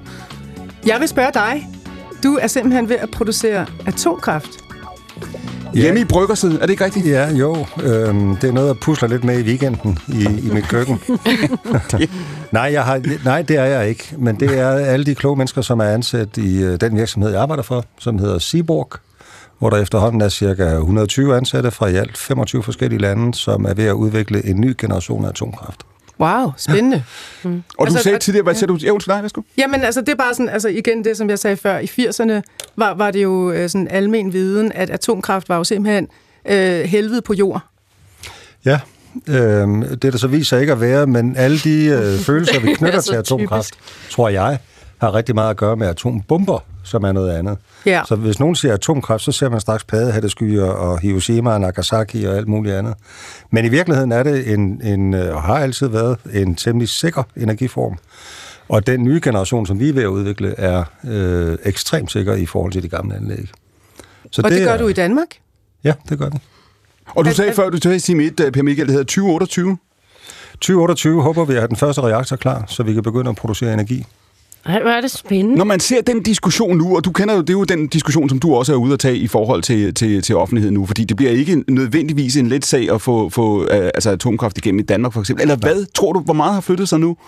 Ja, det- altså der er helt sikkert en bevægelse. Jeg er selv vokset op med atomkraft, nej tak, og evindelige marscher og hvad ved jeg. Men, men, men der, der sker noget i den yngre generation, og yngre, der mener jeg op til måske 40, mm. hvor man kigger mere øh, fordomsfuldt, eller fordomsfrit på det, og ser på alle fordelene, i stedet for at fokusere på alt det, der er gået galt i tidligere ulykker. Det er en ene ting. Den anden ting er, at, at, at øh, simpelthen på grund af, af, af pres udefra, mm. altså vi er nødt til at gøre noget ved klimaet, og vi er nødt til at gøre noget ved CO2-udledning, hvis der skal ske noget i den her verden. Og der er vind og sol ikke alle steder det mest oplagte at bruge. Det kan være, at det er det i Danmark, men, men, men langs ekvator for eksempel, der er der nogle udfordringer med at bruge vind og sol af helt naturlige årsager, som er svære at overkomme. Og det betyder, at hvis ikke vi lykkes med at lave atomkraft, så vil de lande, hvis de skal ud af fattigdom, mm. øh, anlægge kulværker eller gasværker. Og det må ikke ske. Når man, når man ser på det nu, og nu har du siddet, jeg- som jeg har sagt flere gange, du har været topchef i den danske mediebranche, du har været på, på, på, på TV2, du har været på Metro Express, du har været på, på alting. Du har siddet, kan du sige, som journalist. Det var journalist, du var, det var din profession, det var din vej ind i det. Mm. Der har du siddet og i agtaget politikere og fuldt samfundsdebatten og de diskussioner. Når du ser tilbage til på det nu, Per Michael, ser 10, 20, 30 år tilbage. Når vi taler om, om den her strategiske overvejelse, hvordan indretter vi samfundet? Hvordan får vi fat i vores energi? Hvor køber vi vores olie? Hvor køber mm. vi vores kul? Sidder, sidder du og, og og, og, og tænker, fordi det var jo ikke fordi, at klimaspørgsmålet ikke fandtes, det var ikke fordi, analyserne ikke eksisterede. Der er sket noget, selvfølgelig i forhold til, hvor akut det, det, det tegner sig nu. Men problemet var der sådan set, og det samme kan man vel sige om forholdet til Rusland. Det samme kan man vel sige om forholdet til Kina, det teknologiske kapløb. Net. Der kan være en lang liste af emner, hvor man i virkeligheden i dag, når man sidder og ser tilbage på det, siger, vi har ganske enkelt manglet at have det lange lys på. Mm. Men det er helt rigtigt, og, og, og det gælder jo også øh, klima. Altså, vi, vi har været vældig gode til at begynde at diskutere plastiksugerør og affaldssortering og, og alle sådan nogle ting, som ikke flytter noget i det store billede. Øh, og, og, og et af de tal, som jeg har svært ved at glemme, det er, at øh, 24 af verdens største skibe udleder lige så meget CO2 som alle verdens biler. Og det er bare sådan et fuldstændig vildt tal. Mm. Og så tænker man på, hvordan kan det være, at vi ikke har diskuteret skibstrafik? For det, det har vi jo, men ikke særlig meget. Og det er jo fordi, vi kan ikke se det, vi kan ikke påvirke det, det er ikke en del af min hverdag. Jeg aner ikke, hvor fanden alle de varer fra Kina kommer fra. Jeg er også lige glad. Mm. Jeg vil bare kunne købe dem nede i butikkerne. Til en god pris. Mm. Til en god pris, ja. Og de skal gerne komme hurtigt. Og derfor satte skibene hastigheden op og udledte dermed endnu mere CO2. Og det er, det er sådan nogle ting, som, som, som jo Altså, det er nemt at sige, at den fest, vi har haft siden 60'erne, afbrudt af nogle små kriser, mm. øh, hist og pist, øh, også har gjort os blinde for de ting, der virkelig flytter noget. Mm. Og har, har gjort, at, at det, det fokuserer vi ikke rigtig på. Nogen må løse det. Jeg ved ikke, hvordan jeg er også ligeglad, men jeg vil ikke bruge plastiksugerør. Der er dem, der vil sige, Per Michael, du kender jo kritikken. Hør her, det er lige præcis den forbrugsfest, du beskrev nu, der er problemet. Vi kan godt udskifte teknologien, vi kan bygge grønnere biler, vi kan leve grønnere, vi kan gøre alt muligt, men, men vi skubber et opgør foran os. Det handler om vores egen grådighed, vores egen malighed. Susie var inde på det i, i time 1. Hvor meget vil vi have? Hvor mange huse, hvor mange biler skal der være i garagen? Og det er i virkeligheden altså det, det handler om mere end altså, altså hvilken teknologi vi spænder for. Mm. Øhm, altså, jeg, jeg tror ikke rigtig på sådan nogle nulvækst-scenarier. Jeg tror simpelthen ikke, at det er skabt til, til øh, det menneskelige sind og den menneskelige natur. Jeg tror, vi gerne vil vækst, og det vil vi, fordi det er med til at udvikle os og give os nye muligheder. Og i den her konkrete situation er det jo især noget, som alle de mennesker på kloden, det er cirka 4 milliarder mennesker, som ikke har den mængde energi, der er nødvendig for at komme ud af fattigdom der er det ikke noget, man har sådan et, et filosofisk forhold til, hvor man siger, at vi må hellere lige dæmpe forbruget. Mm. For dem er det vigtigt at, at få penge nok, så de kan få en vaskemaskine, så familien kan få rent tøj, og de voksne kan begynde at arbejde. Alle de der gamle Hans Rosling-argumenter, mm. det er virkelig vigtigt for dem. Og det fylder noget. De vil også gerne have ordentlige øh, uddannelsessystemer, de vil gerne have ordentlige sundhedssystemer, de vil gerne have en højere leve, levealder, og de vil gerne have noget, noget godt mad at spise. Eller bare noget mad. Man kan sige, at nu sidder du på den anden side af bordet. Ikke? Du var, som jeg beskrev før, du var journalist, du var topchef i mange år i, i, i mediebranchen, og nu sidder du i en virksomhed, som skal, altså en ingeniørvirksomhed, ikke? som skal for, for, for andre verden. Ikke? Tilbage i mediebranchen har vi jo i mellemtiden, kan du sige, fået den her diskussion, der handler om konstruktiv journalistik, aktivistisk journalistik. Mm. Der er, øh, skal jeg hilse at sige, mange i mediebranchen, der efterlyser, at vi i mediebranchen anviser løsninger. Vi skal tage stilling, mm. vi skal selv mene noget, vi skal træde ind, vi skal påvirke det samfund, vi er en del af. For det gør vi faktisk allerede, vi er bare ikke åbne Øh, om det. Når du ser tilbage på de årtier, du øh, øh, tilbragte i mediebranchen, hvad, hvad tænker du om det, Per Michael? Tænker du, at, at medierne, altså både et, spiller en, en samfundsrolle, ikke kun i at reflektere og fortælle og berette, men faktisk også øh, forme samfundsudvikling, bare uden helt selv at være klar over det. Køber du den? Det var mange ting at købe på en gang, men, men, øh, men, men jeg, jeg tænker mange ting... Det det her, ikke? Det er godt nogle jo, jo. men, men, men, men for det første tænker jeg, at medierne i dag er 4 milliarder gange bedre, end medierne var, dengang jeg trådte ind i branchen for snart 40 år siden. Mm. Hvordan? Altså, blandt andet på grund af diversiteten i medierne, at der er mange flere medier. Det indeholder desværre sin egen svaghed, nemlig at det, man kunne kalde den offentlige dagsorden. Mm. Da jeg var barn, så hed det TV-avisen klokken 1930, ja. og det var den offentlige dagsorden. Ja. I dag er det spredt ud på tusindvis, millionvis af, af medier, som vi alle sammen kan tilgå med et klik på telefonen. Og det, det skaber risici for øh, polarisering, øh, mangel på fælles dagsorden, mangel på forståelse for hinanden, fordi vi ikke er klar over, at Anna, som måske her til morgen har læst øh, sin udgave af virkeligheden på de medier, som Anna foretrækker, og jeg har læst nogle andre. Og det er lidt trist, hvis vi ikke bliver ved med at have noget at diskutere i fællesskab. Så, så det er to af de elementer, der er i det. Den, det, du spørger konkret til med, med, med aktivistisk journalistik mm. og konstruktiv journalistik og alt det der, ja, bring it on, men sørg for, at der er alternativer, sådan at gamle tosser som mig, der gerne vil have en anden form for journalistik, som er mere registreret og faktabaseret og, og, og, og, og, og klassisk undersøgende og den slags, at jeg også har noget. Men der er jo, altså, det er jo det gode ved det, at, at buffeten er blevet så kæmpestor, at vi alle sammen kan finde noget, der er interessant, både til forret, hovedret og dessert. Anna Jul, du siger, at du er, kan godt være i tvivl om, om, om det, som andre mennesker kalder den objektive sandhed. Jamen, jeg, jeg, for eksempel, det virker, altså, jeg, jeg, det er jo også svært at sige, men jeg, jeg synes bare altid, der, altså, der kan jo ligge framinger. Jeg har også læst retorik et par år. Ja. Og der kan jo ligge framinger i mange ting, så det er jo lige så meget en, der lærte vi, at det at udlade noget, er lige så meget en fordrejning af sandheden, som at lyve på en eller anden måde. Ikke? Mm. Men jeg tror ikke, jeg oplever, at min generation i hvert fald sådan... Eller jo, jeg oplever måske, ligesom alt andet i tilværelsen, at min generation er mega splittet. Jeg oplever, at der er en sådan inde i København ret stor fraktion, som går målrettet efter at finde viden, der underbygger deres egen Mm. verdensopfattelse. Mm. Og så oplever jeg en øh, både på den ene og den anden fløj, og så oplever jeg en hel masse mennesker, der er enormt meget i tvivl, og som bare gerne vil finde ud af, hvad fuck sandheden er, men ikke kan. Hvad tænker du om det, Vicky Knudsen? Fordi du står med et vidensfelt her i den offentlige sfære, hvor, hvor det her det er, er, er ekspertviden. I er eksperter, der sidder øh, inden for en hvilken som helst øh, del af biologien, så er øh, tusinder, titusinder øh, af mennesker over hele verden med ekspertise på det her felt. De snakker sammen. I finder ud af, hvad der er rigtigt og forkert. Når du ser på resten, kan du sige, af samfundsdebatten i de her år, tænker du, øh, øh, hold da op, hvor er det, hvor er det noget råd? Ja, det tænker jeg nogle gange. Det skal Ja. da være ærlig at indrømme. Nej, men jeg tror, at det er jo... Mm, det her øh, viden er fandme ikke et synspunkt. Det må jeg ærligt indrømme. Det er jeg helt enig i. Men jeg synes også, det er fint, hvis folk godt kan lide clickbait. Det er slet ikke det. Men, men generelt så er det jo det her, at hvis man er konspirationsteoretiker for eksempel, så kan du jo godt altså bilde dig så meget ind, at din sandhed er ægte, mm. at det er et eller andet så bliver det jo en sandhed, og så er det fuldstændig lige meget med fakta og viden. Og jeg kan jo generelt godt lide videnskabelige undersøgelser, og jeg er jo ikke forsker, altså jeg er jo endt med at blive formidler i stedet for, men det jeg formidler er jo nogle gange noget, som nogle forskere har mm. brugt år og dage på at undersøge. Og, og det er jo sandheden, kan man sige. Øh, For mig, det er jo det, der rent faktisk er blevet undersøgt med videnskabelige metoder, og så kan man sige, på et eller andet tidspunkt, så kan der komme nye undersøgelser, der viser noget andet. Altså, at, at, at, at vi står i en biodiversitetskrise, for eksempel. Dem, der fornægter det og siger, at det går da meget godt, for der er der rådyr og harer ude på marken. Det er jo netop, fordi man er lidt blind for sandheden, eller ikke sætter sig ind i det. Men jeg kan jo sådan generelt ikke så godt lide, at man er du, men er du, slår folk i hovedet med sandheden. Men er du grundlæggende bekymret, Vicky? Fordi nu så vi det jo, da corona-lockdown kørte, der havde vi jo faktisk for åbne gardiner dag efter dag. Videnskabsfolk, verdensførende, der sad og diskuterede noget, som var af åbenlyst kæmpe interesse for os alle sammen. Og de var ganske uenige, og de blev klogere undervejs. Ja. Og det her, det havde kolossal betydning for, for, for, for lovgivning, for økonomi og, og, og, og for alt muligt andet. Når du sidder og kigger ud på altså hele det, det offentlige debat, debat, Facebook, Instagram osv., tænker du, ej, det ville være dejligt, hvis vi kunne tale sammen på, på en anden måde, og hvis der kunne være, kan vi sige, mindre krig om fakta.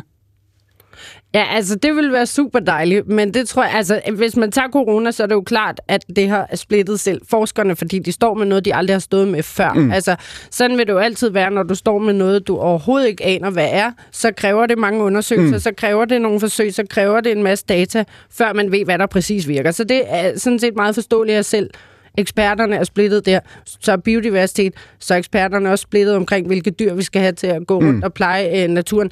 Så der kan altid være uenighed, og, og der kan være forskellige øh, ting, der er rigtige og gode nok, og mm. så videre, og nogle ting skal man teste, før man ved, hvad der så var det bedste redskab.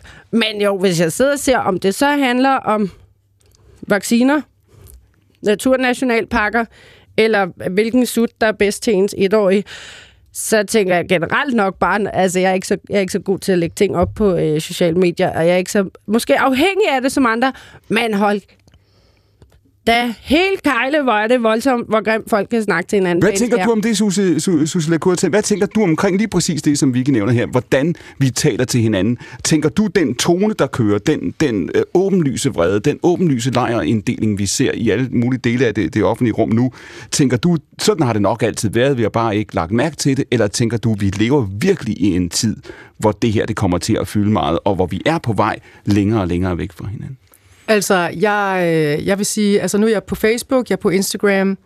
Øh, Facebook er jo ligesom et stort øh, forsamlingshus. Ja. Mm. Øh, og jeg lægger som regel aldrig noget op øh, på Facebook. Øh, en gang imellem øh, ser jeg måske en eller anden øh, debat øh, omkring whatever, øh, og kommer måske med en lille øh, kommentar ja. til, øh, hvad det nu end handler om.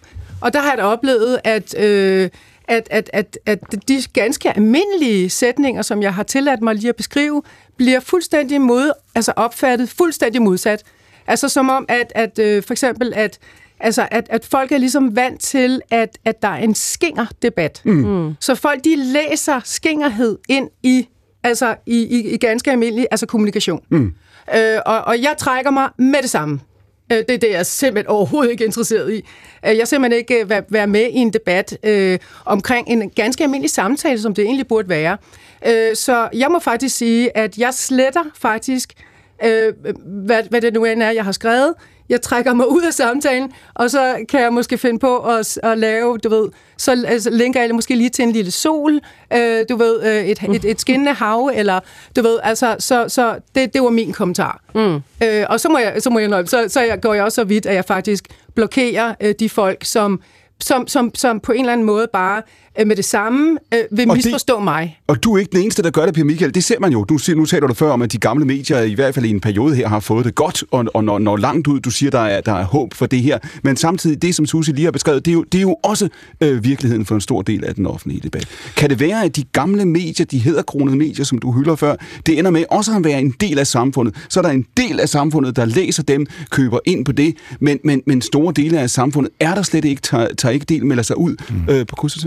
Det er klart, der er en risiko for den polarisering, altså Ja. opdeling af, af, af A- og B-klasse, eller, eller eliten kontra non-eliten i, i samfundet, hvad angår oplysning og, og, og viden og den slags.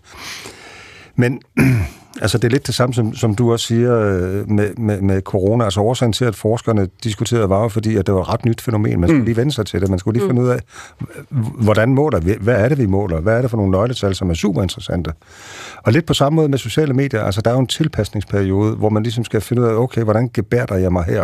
Og jeg tror, at nogen af os, i hvert fald for mit vedkommende, der toppede det måske for 4-5 år siden, og siden der har det sådan bare været droslet ned. hvor Hvis du siger, du var, du, var, du var det mest, du kan se efterfølgende, der var du mest på de sociale medier. Ja, og, og nu mindre og mindre. Og, og, og det er jeg både lidt ked af, fordi det er sådan set meget handy at følge med i, hvornår mm. folk har fødselsdag, og de er flyttet, eller de har fået et nyt job, eller alt muligt andet. Men, men, øh, men jeg, jeg, jeg ser faktisk ikke så meget af den der skænger debat længere. Men jeg, du har jo gjort det samme. Du, har, du beskriver, Per Michael, det er noget grund til, at du ikke ser den, kunne det være, fordi du ikke er der. jo, men jeg er der jo, om, mindst en gang om ugen, men, og så bruger jeg lige 10 minutter på at bladre ned for at se, okay, hvad der er sket. Men jeg tror, at vores børn, eller jeres børn, bliver meget bedre til at håndtere de sociale medier, mm. end vi var. Mm. Fordi det på samme måde som coronaepidemien er et, stadig er et nyt fænomen i vores liv, og det kræver tilpasning, og det kræver værktøjer.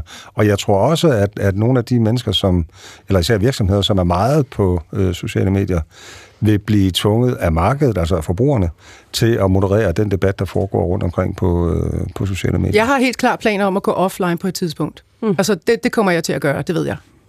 Planer, Indtil- planer, planer øh, Susie, eller drømme? Øh, indtil videre er det drømme. øh, fordi, fordi jeg må jo erkende, at, at, at for eksempel dine followers, for eksempel, ja. På Instagram, dine fans, Ja. dem er man jo afhængig af i dag. Og det vender vi tilbage til om lidt. Anna Julka, du, har du, har du, går du med den samme drøm om at gå offline?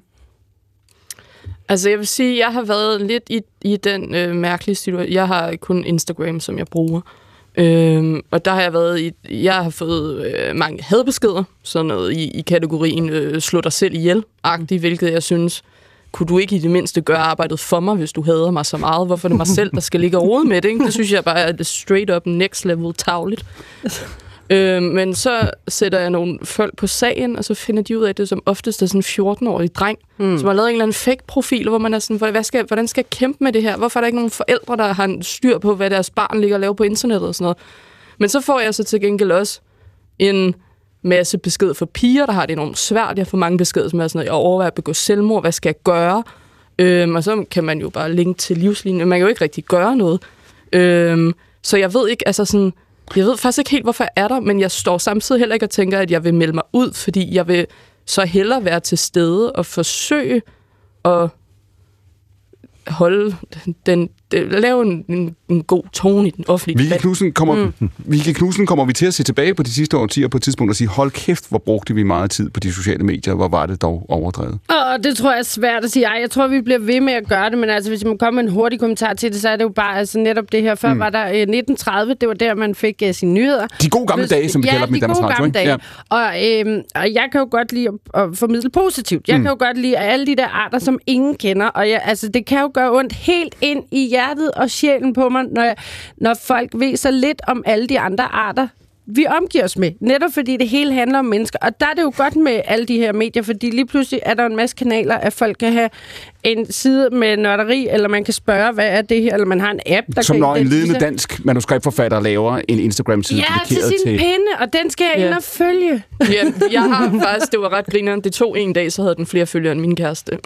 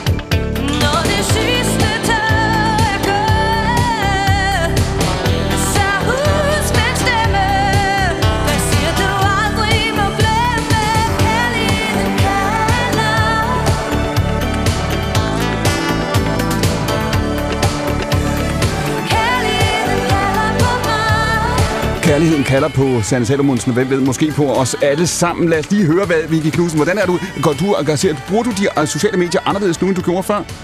Ja, det gør jeg nok. Du sagde under musikken, du er blevet mere moragtig. Ja, jeg er blevet lidt moragtig. Jamen, Hvad jeg er betyder jo nok, det? Jeg skal jo nok lære at være mere på sociale medier. Jeg kan sagtens være sådan en, der bare triller hele feedet igennem og liker og skriver en lille kommentar. Men jeg er ikke særlig meget på. Og jeg vil egentlig netop, altså når der er så mange, der følger en, rent faktisk gerne lægge noget mere op. Men så har jeg haft så dårlig samvittighed over, at jeg ikke fik svaret alle eller alle beskeder.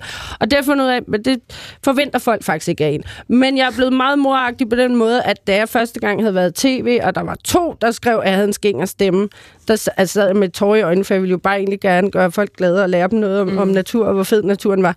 Og der får man lidt mere hår på brystet, men jeg er ikke begyndt at blive sådan sur på dem, og nu er jeg sådan lidt mere upåvirket af det, men jeg bliver meget moragtig på den der måde at gå ind og skrive, Okay, så du vil gerne have, at jeg stopper med at trække vejret. Jeg skal bare lige være helt sikker. Så du vil gerne have, at jeg dør i morgen. Er det det? Og, altså, eller bare generelt fortælle dem, nej, jeg er ikke fuld, og jeg ved ikke hvorfor, men kan vi ikke tale lidt pænt til hende? Altså meget sådan, bare kvæle dem med lidt kærlighed. Eller Og hvad, så hvad, hvad, dag. hvad sker der så, Vicky, når de, når de folk, der skriver til dig, får et stort skud mor lige, lige tilbage? Jamen, enten svarer de ikke, eller også sletter de deres besked, eller også så, så, så lægger de sig... Der var en sød dame, der skrev, øh, jeg, kan se, jeg simpelthen jeg kaster op, når du er på, fra, på fjernsynet. Jeg kan slet ikke holde ud. Du er ulidelig at høre på. Så skrev jeg, kære Karen, det er jeg da ked af, at jeg sådan skal komme væltende ind fra siden og ødelægge din fredag aften. Det Ja. må du simpelthen undskylde. Men nu skal du bare høre, på fjernbetjeningen er der en lille mute-knap. Den ser så og sådan ud. Så kan du lige trykke på den, imens jeg er på, så slipper du i hvert fald for at høre for, på mig. Og så kan du altid nå at lave en kop kaffe i mellemtiden. Og så bliver det måske faktisk en dejlig fredag aften. Og så må du have en rigtig god weekend. Kærlig hilsen, Vicky. Og så... Hej Vicky, ja, det har du da egentlig ret i. Det kan jeg godt se. Hilsen gerne. Så jeg synes Det, men faktisk, på den anden side, nu siger du, Vicky, at du gerne vil være mere på de sociale medier. Jeg tænker, det er noget af en opgave, hvis du skal ind og være Jamen, mor det er for hele ja, det er verden. også, fordi hele jeg, ikke så op, jeg opdager jo ikke så meget nu, fordi jeg netop er så og meget derinde. guilt-trippe os alle sammen Nej, ikke tilbage guilt til... Nej. bare, bare lige sådan, jeg synes godt, man kan plædere lidt mere for den gode tone. Man må godt være uenig, man må godt diskutere, men der er ikke nogen grund til altså, at, at, at, at, at svine hinanden til uden grund. Der er det bedre at gøre som Michelle Obama, if they go low, we go high. Susie, da du i sin tid øh, øh, indledte din karriere i pornobranchen, der er du 29. Ja. Og hvor meget, han har sagt, hvor meget tænker du dengang på, på, på publikum, på fans, på hvem der er i den anden ende? Altså, hvor meget af det her med den der type reaktioner, det vi sidder og snakker om nu, oplever man dengang? Ja, altså jeg, jeg vil sige, at øh, det primære, jeg tænkte på, det var først og fremmest mig selv. Altså jeg gjorde det for mig selv. Ja. Gik ind i pornografi og havde brug for at udtrykke min seksualitet og den indre øh, vilde, rebelske energi, jeg havde i mig. Og så var jeg meget fascineret af at være en del af et miljø, som jo adskilte sig meget fra det såkaldte etablerede samfund. Øh, så, Lad os lige prøve at holde fast i den, når du siger det. Et miljø, der adskilte sig fra det etablerede samfund. Altså, du får det til at lyde, som jeg havde nær sagt, altså Christiania. Ja, men det kan man virkelig godt kalde det i virkeligheden, ikke? Øh, bare bare med, med, med meget mere sex, måske, ikke?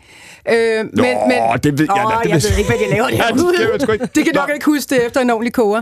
Men, øh, men, øh, men altså, øh, for mig at se, der var det øh, først og fremmest som sagt for mig selv, at jeg gjorde det, fordi jeg, jeg kunne bare mærke, at jeg var fascineret af at kaste mig ud øh, i det ukendte. Jeg elsker den ukendte faktor. Øh, og det andet mål for mig, det var at øh, ligesom være med til at producere et super lækkert, æstetisk, erotisk produkt, som, øh, øh, som brugerne, det hedder det så i dag, brugerne, øh, fansene dengang, øh, så kunne få en tilfredsstillende forløsning ud af, når de sad derhjemme og kiggede på VHS, ikke? Øh, som det jo var dengang, og det er jo helt vildt at tænke over. Det var de der store VHS-bånd. Øh, men, men, men, men der var meget langt fra øh, mig, øh, som ligger og, og, og har en scene og øh, med et kæmpe tv-hold omkring mig, eller filmhold, øh, og, og, øh, og ligge der og få orgasme, og efter det afslutter scenen, og så skal vi så ud måske og have noget frokost efterfølgende, indtil jeg rent faktisk måske så dengang måske kom tilbage til Danmark, og tilfældigvis skulle ind på en tankstation og købe en pakke prins, og så kunne jeg jo så se der på, på regionen, at der hang sgu da en, øh, en VHS med, med mig på forsiden mm. af coveret. Øh, og dengang var det jo faktisk primært i børnehøjde. Ikke? Øh, der var i hvert fald meget debat dengang om, øh, hvor, hvor højt skulle de stå på, på regionen, ikke? fordi børnene skulle jo ikke ligesom have det, have det kastet lige i Og ansigtet. det, det vil sige, du, du tænkte ikke, altså hvor meget fyldte det for dig, hvad reaktionerne ville blive, eller hvordan det ville blive, altså hvordan du ville opleve det? Altså, jeg var selvfølgelig udmærket godt klar over, at det her, det kommer til ligesom at bonge ud i den anden ende på et tidspunkt, ikke? hvor, hvor øh, det selvfølgelig øh, i sig selv jo er et kontroversielt valg, og derfor vil det få en konsekvens. Men ikke nødvendigvis en negativt lavet konsekvens, det var sådan set ligeglad med, selvom jeg godt vidste, at jeg skulle tilbage til jantelovens Danmark og stå skoleret og angre, fordi alt det forbudte, jeg havde gjort. Men, men, men der var meget langt, ikke fra øh, tanke til handling, men, men der var meget langt fra, at jeg følte mig, jeg havde den frihed, jeg havde, og den havde jeg da i hvert fald øh, krav på at, at få, få lov til at give mig selv og udfolde den. Men, men jeg tænkte slet ikke i forhold til altså de fans. Øh, de var jo meget langt væk øh, fra, fra, fra i mit perspektiv.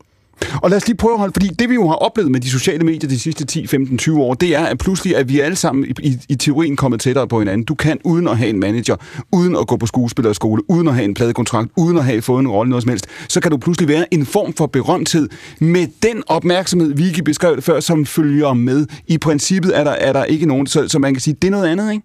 Jo, altså. jamen det er jo noget helt andet. Nu, nu prøver jeg også igen et eksperiment. Altså, jeg, jeg kalder også nogle gange min øh, internationale pornokarriere for et eksperiment, ikke? Jo. Øh, fordi jeg anså mig selv lidt som en antropolog. Ikke? Jeg var egentlig ikke en del af branchen. Øh, Jeg var bare ligesom på, med på en kigger. Ikke? Øh, Det kan også være, at der er en eller anden form for eskapisme i det. Men, øh, Altså men, ligesom, altså ligesom, ligesom øh, i virkeligheden, hvis man går ud og i agtar øh, naturen Ja. og siger, nu er... Ja. Ja, ja. Kan du genkende det? Spændende arter. ja, meget spændende arter. øh, mange, mange spændende vandrende pinde der. Ja, ja, ja, lige præcis. I, I større eller mindre grad. Ja. Øh, men, men, øh, men det, som jeg oplever i dag jo, er, er, er noget for mig, altså det er også, jeg kan også bare mærke, jeg må være mega old school. Ikke? Altså, jeg kommer bare fra en helt anden generation øh, øh, fra. Og nu prøver jeg så at eksperimentere med noget, der hedder OnlyFans. Øh, og det, og, og jeg, kan, jeg kunne sige på forhånd, det er simpelthen ikke noget for mig. Mm. Fordi jeg har ikke nogen interesse i at, at, at, at på daglig basis være i direkte skrivende stund med mine fans, som, som, som øh, kan være, hvad ved jeg, øh, Kurt fra, fra øh, Brøndshøj og, og, og, og øh, Søren fra Kolding. Altså, jeg har jo ikke nogen relation til dem, men de har lige pludselig altid mulighed for, undskyld jeg siger det, at sidde og være direkte øh, øh, samtale med selveste Katja Keen. Mm. Halløj! Øh, altså et eller andet sted i mit perspektiv, så skal det kraftet med koste mange penge. Ikke? Mm. Øh, men, men jeg har det dobbelt med det, og som sagt, så er det stadig kun et eksperiment. Øh, men, men, men jeg føler, det er også derfor, når jeg siger, at jeg på et eller andet tidspunkt overvejer at gå offline. Og det er simpelthen fordi, jeg synes faktisk, at selvfølgelig ligger der rigtig meget frihed, og der er rigtig mange muligheder i forhold til, at du selv kan skabe din egen berømthed, øh, og skabe din egen profil, og du får dine fans og dine followers, men det forpligter jo også. Men- og du har jo et kæmpe ansvar mm. øh, for alle de her mennesker, som du så er i, er i tæt dialog med øh, på, på hverdagsbasis. Du, du, du mener også altså på OnlyFans, tænker du, du vil have et ansvar for de, for de folk, der betaler for at skrive til dig? Nej, og jeg vil nemlig ikke have noget ansvar. Så, men okay, så det er eksperimentet at se, hvad sker der? Ja, eksperimentet, eksperimentet er blandt andet, at, at det er klart, at øh, du ved, du sætter selvfølgelig en øh, subscription price, Ja. øh, og øh, vurderer, jamen, hvor meget synes jeg selv, jeg er værd? Hvad, hvad, skal, hvad synes jeg, mine fans skal betale? Udover det, så kan du selvfølgelig tjene penge på andre måder ved at sende direkte øh, øh, beskeder til, til folk, alt efter hvad du selv synes. Nu, nu, nu er jeg jo selvfølgelig, det er jo lidt, hvad skal man sige, jeg starter jo på øh, et andet udgangspunkt, fordi jeg netop har lavet hardcore porno. Øh, og, og i dag er jeg sådan set kun øh, interesseret i at lave erotisk kunst. Det er det, jeg kalder det, erotisk kunst.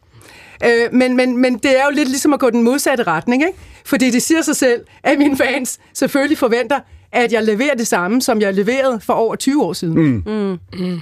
Og, og, Altså, og, det og, er, det er striptease bare fra den anden ende, kan man sige. Jamen altså selvfølgelig, de, øh, for at sige det som det er, altså de vil jo rigtig gerne have noget øh, live, øh, sexcam, øh, øh, masturbation, direct one-on-one, øh, øh, ting som den slags. Og der må jeg så bare konstatere, at det, det, for det første, det er jeg slet ikke interesseret i, og det går også over mine grænser. Nu sagde du før, øh, øh, Susie, du, er- du, du er 29, da du siger, at det her skal prøves. Du øh, går ind i, i pornoindustrien. Det er, Ja. ja. du siger, det er et eksperiment. Ja, Du betragter dig selv som en antropolog.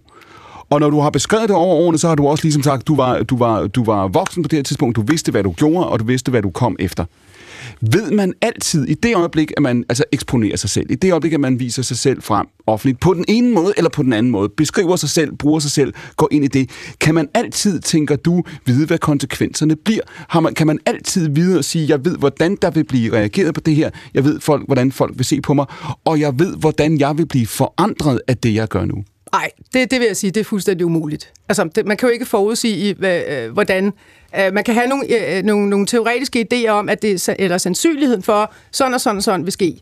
Øh, det er klart, men, men, men det kan man ikke. Og man kan sige, der, hvor, hvor, hvorfor kan man ikke det? Det er netop for eksempel, hvis vi tager det her øh, øh, eksempel med, med OnlyFans, så er det jo klart, at der, hvor, hvor problematikken kan opstå, det er jo, at fansene de betaler jo for noget. Mm. De betaler for et produkt. Men hvor går grænsen i forhold til, hvad sælger jeg? Hvad er mit produkt? Mm. Og hvad føler de her fans, at de har ret til at kræve? Mm. Og der, og der, hvis du er helt ung, for eksempel, og du, og du kaster dig ud i at lave det her OnlyFans, og du har de her øh, fans, som så skriver til dig, ved du hvad, vi vil rigtig gerne have sådan og sådan og sådan og sådan. Mm. Ah, come on, come on, øh, jeg betaler gerne for det, og så videre. Og hvis man ikke på forhånd ligesom øh, kender sine sin, øh, sin grænser, så kan man da lynhurtigt ryge ud i, at man kommer til at sælge et produkt, som man ikke selv kan stå indenfor. Og man kan så sige, en anden ting er jo også, for eksempel med OnlyFans, at øh, øh, de lover, at det er jo et lukket netværk, mm. men alt det, der bliver lagt op, også selvom det er øh, øh, øh, en til en, øh, billeder, øh, videoer eller hvad det er, det lyder- det, kom, det, er jo- det er jo ude på nettet for Det lyder som om, altså. nu giver du os en lang liste, hvorfor man ikke skal gøre det, han har sagt, ikke? Jo, jo, men sådan er det altid med mig. Altså. Anna Jul, hvad, hvad tænker du i forhold til det der? Fordi det er jo noget, vi har diskuteret meget, kan du sige, generelt i det offentlige rum de sidste 10 år. Det er, hvad deler man? Hvor meget eksponerer man sig selv? Hvad, hvad sætter man sig selv, øh, kan du sige? I det øjeblik, man går ud og mener noget i det offentlige rum, skriver noget, som kan være provokerende, så inviterer man til, til, til reaktioner. Samme spørgsmål, som jeg lige stillede til Susi. Ved man altid, altså dels, jeg har sagt, hvad der kommer tilbage, men også, hvordan man selv vil have det med det. Hvordan vil jeg have det med det, når folk synes X, Y, Z? Mm, jeg, jeg tror i hvert fald, det er kommet bag på mig, både hvad, hvad der er sket, efter jeg har stillet mig frem. Mit er jo så mit, min go-to-ting, eller det, jeg turnerer med min Wonderwall. Det er jo min psykiske sygdom. Mm. Øhm, og, De store, det var, du siger, dit Wonderwall, du mener, at det er dit hit. Ja, det er mit Altså, hit. det er okay. Og det er også lidt apropos det, Susie siger, det her med, at det er fandme svært at få lov til at rebrande sig selv. Mm. Øhm, fordi jeg, nu synes jeg efterhånden, jeg har kogt nok suppe på det, og jeg plus, jeg har jo stadigvæk min diagnose, men jeg føler mig ikke syg, så det føles også sådan lidt fake og phony, at øh, blive ved med at øh, turnere med en lidelseshistorie. Øhm, men der har jeg bare lagt mærke til noget ret sjovt på min Instagram, at folk er fucking røvlige glade med at få at vide, at jeg har haft en god dag. Men til, og jeg taber følger hver gang, jeg laver sådan et positivt. Øh, og t- til gengæld, hvis jeg så nogle gange så laver et eksperiment, så tager jeg et billede af min snitsår på armene og skriver, puh, her i dag har været en lortedag. Og så er folk sådan, ej, hjerter og alle mulige ting. Og det er også tavligt af mig, men jeg synes bare, det er så interessant, at vi især, og jeg tror virkelig, det er et storbyfænomen og endnu mere bestemt kulturelt elitært fænomen, det er med at dyrke traumerne i sådan en kan styrke det dårlige og lidelsen, og man kan også se det i populærkulturen. Der er fandme meget, der handler om en, en personlig lidelseshistorie. Og, hva- hvad, hvad, og hvad tænker du om det, Anna? Fordi på den ene side kan man jo sige, nu sagde Per Michael tidligere i denne her time, når man, han, du forventer, Per Michael, at vores, altså vores unger bliver bedre til at, at, at køre det her. Ikke? Altså måske kommer vi til at, at se tilbage på, på, de, på den måde, vi har set på de sociale medier, og, og ligesom tænke, tænker, tænker du, Anna, at vi også indimellem tager det, altså tager vi det lidt for alvorligt? Tager vi de sociale medier lidt for alvorligt? Skal vi, skal vi også se det på det som en form for, for, for, for lidt et dukketeater? Jamen, jeg tror i hvert fald, at det er farligt at drage den konklusion, at al verdens ondskab er foranledet af de sociale medier. Ja. Altså, det synes jeg tit, især når man går ind i den der diagnosesamfunds... Øh, eller præstationssamfundsdiskussion, så er det meget hurtigt det her med, at men det er også fordi de sociale medier, det er fordi de kan se på Instagram, og jeg, at alle de andre er perfekte og har det godt, og bla bla bla bla bla.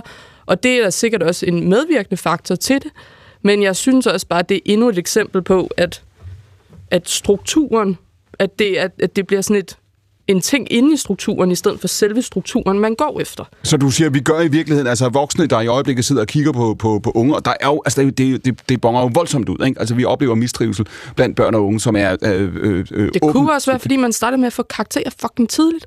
Det kunne også være, fordi at man hele tiden bliver præsenteret for alle mulige ting, både på de sociale... Altså, jeg tror bare ikke nødvendigvis, det er, fordi alle mennesker stræber efter at være tynde. Og de der perfekte Instagram-piger-liv. Det er vel lige så meget, fordi du kan være på TikTok, og så se en eller anden person blive halshugget på TikTok, ikke? Altså, det er vel også det, der er problemet. Ja, men, et, øh, måske forhåbentlig ikke så mange, der har øh, behov for at se en halshugning, men det er jo så også lidt sjovt for os mennesker, som har det der med, at der sker trafikuheld. Man ved, der er sket noget forfærdeligt, alligevel stopper alle op for at kigge. Ikke? Altså, Og for er- at filme det. Ja, og for at filme ja. det. Vi er et vanvittigt art, når det kommer til det. Men det, jeg egentlig bare vil sige, var, at der jo netop, altså heldigvis, af forskellige behov for, hvad man mm. gerne vil se, når man følger nogen på Instagram. Altså, øh, så mange følgere har jeg heller ikke, men altså, og jeg takker de 15.000, der alligevel følger mig på Instagram, på trods af, at jeg lægger et opslag op hver- en gang om måneden, hver 14, hvis vi er heldige, ikke? Men jeg synes... Og kun fordi du har set en eller anden musvit eller noget, ikke? jo, jo, jo, men, også, men det, så er det værste er, så fandt jeg ud af på et tidspunkt, at folk ville... Altså, det er sådan lidt den omvendte boldgade, men jeg lagde jo dyr op hele tiden, men det fik mange flere likes, hvis det var et billede af mig. Fordi det lige pludselig var sådan... Så var jeg jo lige pludselig et ansigt, folk kendte. Men jeg synes, uanset om man har 50 følgere eller 500.000, så følger de jo en af en grund, og sikkert fordi man altså, plejer at lægge noget op. Og for mig var det meget øh, omvendt. Jeg kan ikke rigtig finde ud af ikke at være mig selv. Og så er det lidt lige meget, om det er til privatvest med vennerne, når vi laver radio, når vi laver tv. Jeg har ikke rigtig... Det har ikke sådan en facadeknap, der hedder... Nå, så Og, nu og du føler lige... du så, fordi, fordi du fik jo, du nævnte det også i time 1, Vicky, du, du vågnede jo op med stress, ikke? Ja. Og det, du er ikke bare vågnet op med stress, der var et tidspunkt, hvor du oplever, du sagde det også, du sagde det, at, at du havde levet med det i tre år. Ja. Hvad, hvordan opdagede du, at du var kommet derhen? Hvad skete der? Det var da jeg tænkte, måske det bedste, jeg går ud for en bil. Ikke fordi jeg vil dø, men fordi jeg ikke kan klare det tankemøller, der er i mit hoved. Jeg vil bare gerne have fred, så jeg vil bare gerne påkøre sådan lidt hårdt, så jeg kan sove i en måned for ro i mit hoved. Det var en, det var en, en konkret tanke. Det var en meget, øh, meget øh, øh, som vi snakkede lidt om, da vi ikke lige var på sådan det der med, at jeg har altid set glasset som halvt fuldt. Ja. Og om det er fordi, at jeg mistede min søster, da jeg var 10, og hun var 20, og, og jeg altid lidt frygter, at det er slut i morgen, så alle skal have det godt. Eller om det skyldes noget andet, det ved jeg ikke, men jeg har altid været lallet glad, meget øh, humørspredende. Jeg har altid fået at vide, når jeg kommer ind i et rum, så kan jeg påvirke stemningen, for jeg er 90 procent af tiden meget glad og, og giver god energi videre. Og hvis jeg så ikke er det, så, så smitter det også af på andre, fordi de er så vant til, at jeg er glad. Øh, De tænker, hvis, hvis Vicky har en dårlig dag, så... så har vi alle sammen en dårlig dag. Men det, det har jo også for noget fyldt enormt meget. Men for mig var det jo mere det der sikkert, at altså det allersværeste at lære var at sige nej. Og det allersværeste at lære var, at, at nogle gange var mine behov faktisk lidt vigtigere end andres. Så og du- det du lyder står- sådan lidt ladt, men, men det var en enorm kamp for mig. Der er et konkret øjeblik, hvor du tænker, jeg er simpelthen så træt nu, der er så meget, jeg skal, at det ville være bedre, hvis jeg på en eller anden måde fik mig selv anbragt på langs sin hospitalseng en måned. Ja, og jeg fik også at vide, at du er snublende tæt på at blive indlagt. Vi skal gøre noget ved dig nu. Og det har jo så været en lang psykologisk rejse i at acceptere, at nogle gange kan man ikke være der så meget for andre, som man gerne vil. Nogle gange vil nogen måske føle sig svigtet, men så længe man ligesom gør sit bedste, uanset hvad, så er det godt nok. Uanset om man så har en off eller ej. Men det jeg egentlig vil sige var, at når jeg så er vant til bare at lægge sådan nogle happy-go-lucky, nu skal I alle sammen lære at elske naturen og se, hvor fed den her kratløber er, ikke? At så lige pludselig, fordi jeg ikke har den der facade, gå ud og sige, nu har jeg været nede med stress og været helt åben Hvad er det nu en omkring det. kratløber er, Vicky? Det er en, en bille. En st- stor, flot løbebille. Du ser uh, på en gang, på en gang, altså hvad hedder det, entusiastisk og skuffet på mig, vil jeg sige, hvis det kan lade sig gøre. Ja, lige præcis. Er meget almindelig, men skøn. Men altså, det var, det var ret... Det var, det, at, øh, jeg, jeg får jo dårligt samvittighed over, at jeg ikke lægger noget mere op, som sagt, fordi jeg vil jo gerne øh, fodre folk. Men jeg skal jo så lære, at det er okay, så ikke at kunne nå at svare på det hele. Men det var ret vildt at lægge det her op med stress, som jo var noget helt andet, end jeg var vant til at lægge op. Øhm, og, og det var ret vildt på den måde, at jeg fik så meget positiv feedback over at være åben, over folk, der havde følt og tænkt præcis de samme ting. Så var jeg fjernsynet med det. Det var, altså, det var, ret, det var ret stor en øjenåbner for mig, hvor mange ting, der har været tabubelagt, hvor Anna jo har været vildt god til at åbne op omkring det. Jeg har bare ikke tænkt over det. Og når man så får at vide, at folk har siddet grædt, fordi det var som om, jeg talte deres ord, eller jeg har reddet dem, fordi at de netop havde det helvedes til, at lige pludselig fik jeg deres øjne op for naturen. Det er jo enormt privilegeret. Altså en ting er tonen på SoMe, men jeg får jo... Prøv at tænke at være politiker. Altså jeg får så mange... Altså jeg får næsten kun kærlighed i indbakken, ikke? Så jeg er ret Også, privilegeret også når du går ud og fortæller den historie. Ja, og det, og det, synes jeg, det viser jo også, hvor gode mennesker der også er derude. Vi kommer nogle gange til at fokusere lidt for meget på de der negative, dumme mm. beskeder i forhold til, hvor mange positive vi egentlig får, når folk er fans af os.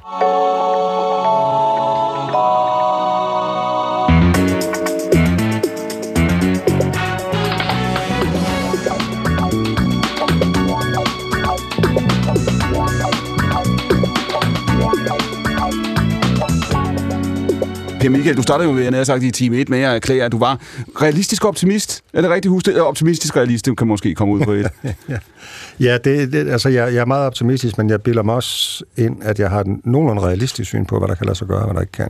Når du sidder og kigger på øh, politikere, journalister og det, man sådan kan kalde altså magthavere herunder en, der, er der har været rystelser, andet kan man ikke sige. Man ser det i England, man ser det i USA, man ser det i Frankrig faktisk, man ser det øh, herhjemme også. Det virker som om, at i land efter land øh, har vi set de her sidste 10 år, at mennesker, der troede, at de havde de store airconditionerede, du ved, hjørnekontorer, nu var det, nu var det plain sailing herfra, nu skulle de have lov til at være ministre, nu skulle de have lov til at være redaktører. De bliver overrasket ikke? Øh, over det ene, og det andet, noget af det er øh, øh, brugere, øh, vælgerbefolkninger, der ikke vil i den samme retning, som de vil. Noget af en Ukrainekrig, noget af klimaspørgsmål, noget af verdensøkonomien, alle de udfordringer, der er i den.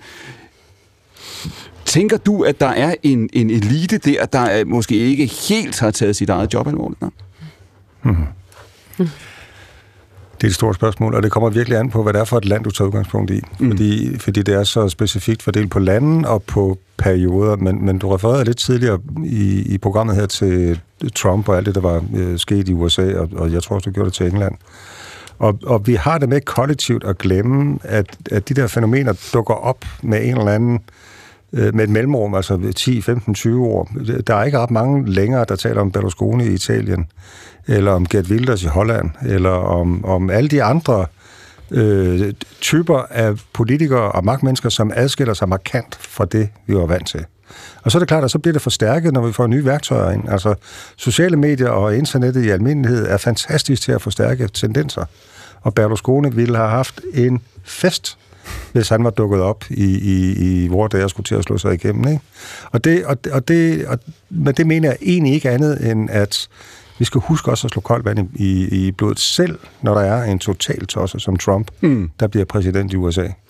Og, og, og det langvarige, den langvarige chok-effekt af Trump er i virkeligheden, det vi begynder at se nu med især abortlovgivning, som jo risikerer at være, at, at være et yderligere lag på et fundament Men det er også det, når du, fordi, når du siger før, du siger, når man altså, der opstår, kan du sige, proteststemmer og protestbevægelser og politikere osv. Med, med, med intervaller, så er der jo nogen, der vil sige, jamen altså forskellen er på det, vi har set øh, de sidste 10 år, om det er, øh, om det er Brexit i, i Storbritannien, om det er, om det er øh, Trumps valgsejr i 2016, og nu højesteretsbeslutning her om Roe versus Wade, ikke? I, øh, for, det er ikke længe siden.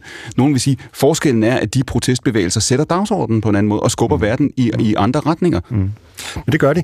Og det gør de i en periode, jeg glemte helt at nævne Måns Glistrup, og, og, og, og, og, og valget i, i 70'erne der, som jo var en total revolution af, af det danske folketing. Mm.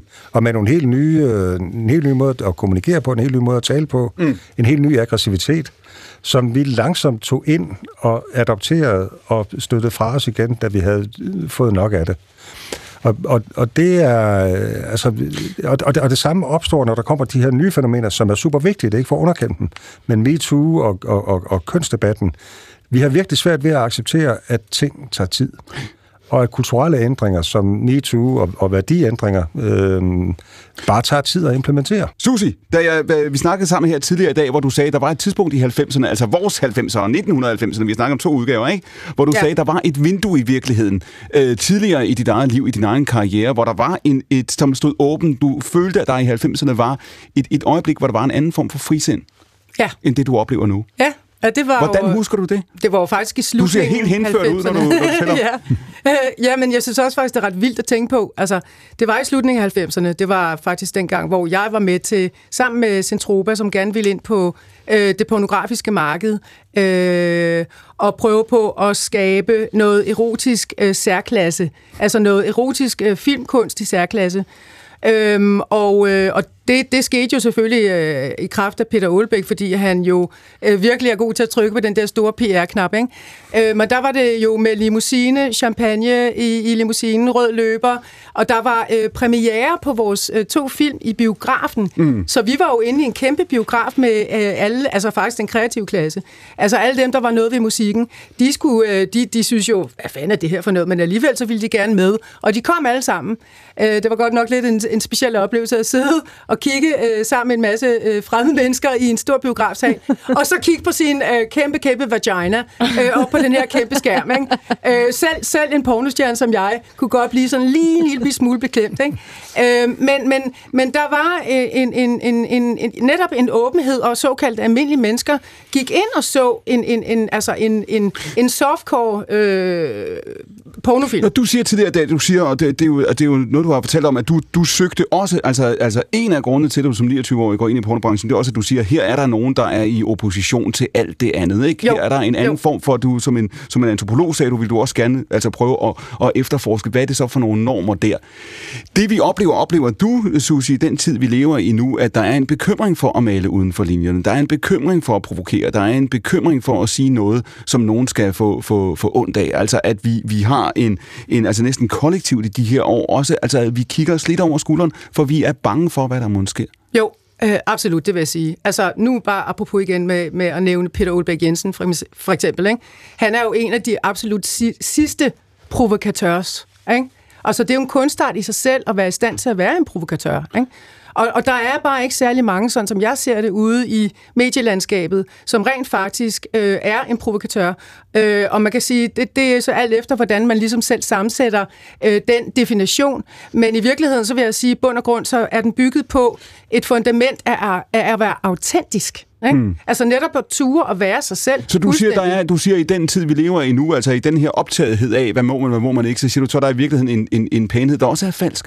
Øh, totalt overfladisk, totalt falsk, som, som, handler, som handler først og fremmest om hele tiden netop, hvilken lejr, øh, hvilken side er jeg på. Hmm. Altså netop, at det er blevet så polariseret, og, og, og netop, altså også som vi talte om før, at, at, at der er nærmest ikke nogen, der, der, der, altså, der tør, fordi hvis du tør, så kan du godt regne med, at du kommer på forsiden, ikke? Anna, er det rigtigt, lever vi i en, i en frygtsom tid? Øh, det synes jeg ganske bestemt, vi gør. Øh, jeg tror, jeg er både lidt i, at nu, jeg er jo helt klart en del af den kulturelle elite. Helt klart. Helt klart. Helt klart. Det skal jeg ikke undsige mig. øhm, og jeg kan godt kigge på mig selv udefra Jeg tror, og der tænke... kommer et mind om lidt. Nej, men jeg tror, jeg er det i hvert fald sådan, jeg kan godt se mig selv udefra og sådan, hold kæft, hvor er jeg irriterende. Det forstår jeg 100%. Jeg synes, forbeholder mig bare også retten til at sige, at et, altså det såkaldt almindelige menneske, hvad det så end skulle være, den almindelige dansker, hvem vedkommende så end er. Men hvis det er typen, der mener, at stegt flæsk med persillesauce er en menneskeret og sådan noget, så forbeholder jeg mig retten til at synes, at vedkommende er lige så irriterende, som jeg anerkender, at jeg er. Så det der billede af fjendebilledet af eliten over for folket og sådan noget, ja, det, det synes jeg er lidt nedtursagtigt for den demokratiske samtale, samtidig med, at der er kæmpe meget sindelagskontrol inden for den en særlig del af den kulturelle elite, som jeg synes er meget svært at bevæge mig indenfor. Så sandheden er nok, jeg passer ikke ind blandt den almindelige dansker, fordi jeg ved ikke, hvad det er, men passer heller ikke rigtig ind i den kulturelle elite. Vicky, har du nogensinde tænkt, at jeg ville ønske, at jeg var mere som de andre? Ok. det gør jeg ikke Det er så meget to minutter mere, siden. men for sådan, det er sket mange gange, når man bare ja, lidt føler sig som klassens øh, lallede klovn, og ikke bare, altså, som jeg får at vide, jeg snakker altid som en fra Sydhavnen, og jeg er ikke særlig feminin i min... Øh, min- hverken min øh, fremgangsmåde, når jeg graver hånden ned i en kolort for at finde nogle billeder, eller når jeg snakker, så bliver det hele sådan lidt groft. Og der er der mange gange, hvor jeg tænker, ej, kunne jeg ikke bare være sådan lidt mere feminin og, og stille og rolig hernede, og ikke, ikke svare igen? Tænker du stadig sådan? Øh, nej, overhovedet ikke. Og det er det, der er lidt øh, sjovt. Det er Hvornår nok, har du brudt med nok, det? når Hvornår, bliver, øh, smed du det? jo ældre og mere voksen. Og det er for ganske nylig. Altså, jeg har haft sådan et... Øh, jeg ved ikke rigtigt, altså øh, selvværdsproblem, som egentlig ikke skyldtes så meget noget barndom, men nok mere skyldtes noget... Så var jeg den første for familien, der skulle gå på universitetet, og jeg følte mig bare overhovedet ikke lige så klog som de andre, og, og så var det det der, da jeg så fandt ud af, hvor god jeg var til at formidle, så gav det ikke nogen mening, for jeg havde så let ved det, så jeg måtte gøre et eller andet forkert, så jeg vågnede nok i morgen og fandt ud af, at, at det var, altså alle synes, jeg var en idiot, og jeg, at det hele var forkert. Ja. Og så senere fandt jeg ud af, at det muligvis bare var, fordi jeg var bygget det der stress og kortisol Kom der mere og mere op. Kom der et punkt, hvor du tænkte, nu, nu, nu, øh, nu er det fint, nu øh, det, jeg kan bedre være i det? Ja, øhm, altså, det er jo gået ret stærkt for jeg, altså jeg er jo også en ret impulsiv type, så jeg besluttede at blive selvstændig på 10 minutter og sige mit job op, ikke? Øhm, fordi jeg tænkte, det her, det, det, det bliver jeg ikke glad af. Så, så det værste, der kan ske, er jo, at jeg skal på dagpenge, og så finder jeg nok ud af at lave noget andet. Øhm, men, men når det så går så stærkt med lige pludselig at få lov til at lave alt det, man drømmer om, Ja. altså at leve af sin hobby, så kan det godt virke sådan lidt, man kan virke lidt utaknemmelig, Så og det er du sådan går, lidt ikke rundt nu, surrealistisk. du går ikke rundt og, og ønsker nu og tænker, at jeg vil ønske, at jeg var som de andre. Det er slut. Ja, det er slut. Det er, jeg tror virkelig, det der, altså som Anna siger, det der, at man sådan kommer til at måle sig med andre. Hvornår altså, har du sidst haft den tanke, Anna, at jeg tænkte, jeg ville ønske, at jeg var mere som gennemsnit? Jamen, jeg har jo sådan en holdningsbarometer eller sådan noget. Jeg kan blive utrolig... Jeg, øh, jeg er jo sådan lidt en social kameleon, hvilket vil sige, at jeg, øh, min største frygt er at blive udskammet. Det er værre end at blive levende Så begravet. du kan, nærmest. godt, du kan godt være som de andre, når det passer i... Jamen, og det er forfærdeligt egentlig. Jeg ville ønske, at jeg havde det på en anden måde, men jeg tager mig selv nogle gange i at sådan tage, ha- have det sådan lidt, lidt måske ligesom at øh, slette en kommentar for de sociale medier og være sådan, jeg er voldsomt i tvivl om det, du siger lige nu, om mm. du har videnskaben på din side. Men Men jeg vælger måske at let it slide, fordi ellers så øh, bliver jeg øh, skudt i metaforisk forstand. Ikke? Per Michael, har du nogensinde drømt om at være gennemsnitlig? Det ved jeg faktisk ikke. Ja, det tror jeg. Men, men, øh, men da jeg var ung, øhm, der, havde jeg, der havde jeg tanker om at være noget andet end det, jeg var. Jeg havde blandt andet en, en periode, som var meget mærkelig i, i begyndelsen af mine teenageår, hvor jeg, hvor jeg fik en fantasi en sommer om, at øh, mine nærmeste venner fik penge af kommunen for at se mig. Og det var, det var dybt bizart, og det gik heldigvis Åh. over Ej, au. af, af nogle øh, måneder, men, men det fyldte virkelig meget af den, i den periode. Og det må jo relatere sig til, at jeg vil egentlig gerne være noget andet, end det, jeg tror, jeg er. Det gode ved historien er, at man ved ikke rigtigt, eller jeg vidste ikke, hvem jeg var, da jeg var 14. Så mm. Historien ender godt. Susie, dagens sidste spørgsmål. Har du drømt om at være som de andre? Aldrig nogensinde. Det sagde Susie Lacour. Hun sad ved siden af Per Michael Jensen, Anna Jul og Vicky Knudsen. Redaktør på programmet er Amanda Heiberg Boberg. Redaktionen sidder Siv Søby Rasmussen og Olivia Elling. Producer er Svala Sigfus Adossi, og mit navn er Clemen Kærsgaard. Dette var, mine damer og herrer, apropos biler og vipse og sådan noget. Vicky, sommerens sidste insekt, der nu svæver ud mod solnedgang. Er det rigtigt, at vipse bliver aggressive det sidste døgn, de har tilbage? Nu findes der jo hundredvis af vipsearter Findes i der Danmark. en af de er arter, et par der- få gedehamsearter, der er blevet losset ud af kolonien. De har ikke noget bo. De skal dø lige om lidt. De slår sig på flasken og drikker fordrukne. Der er ikke fordrukne Kalder du, gadeæbler. kalder du mig en gedehams? Hvem vil ikke være sur på det tidspunkt? Jeg siger bare, det er fair nok, Clem. Det er der, vi er nu, for det er det sidste program. Mit navn er Clemen Kærsgaard, og dette var sommerens sidste stafetten. Nu er der til gengæld radiovis. Dette er Danmarks Radioprogram 1, hvis nogen var i tvivl, og klokken er to. Ja, klokken er 14 lige straks. Efter radioavisen undersøger Torben Brandt mobningens anatomi. Fra DR's arkiver har han samlet to timers fortællinger. Vi kommer helt ind på sovesalen på Herlufsholms kostskole i 1984. Forfatteren Karen Fastrup genoplever og reflekterer over barndommens mobning i folkeskolen, og Christian Stemann dokumenterer mobning, overgreb og selvmordsforsøg på Havregårdens kostskole. Torben Brandt har sat de to timers radiobio sammen, som vi sender lige efter radioavisen. Klokken er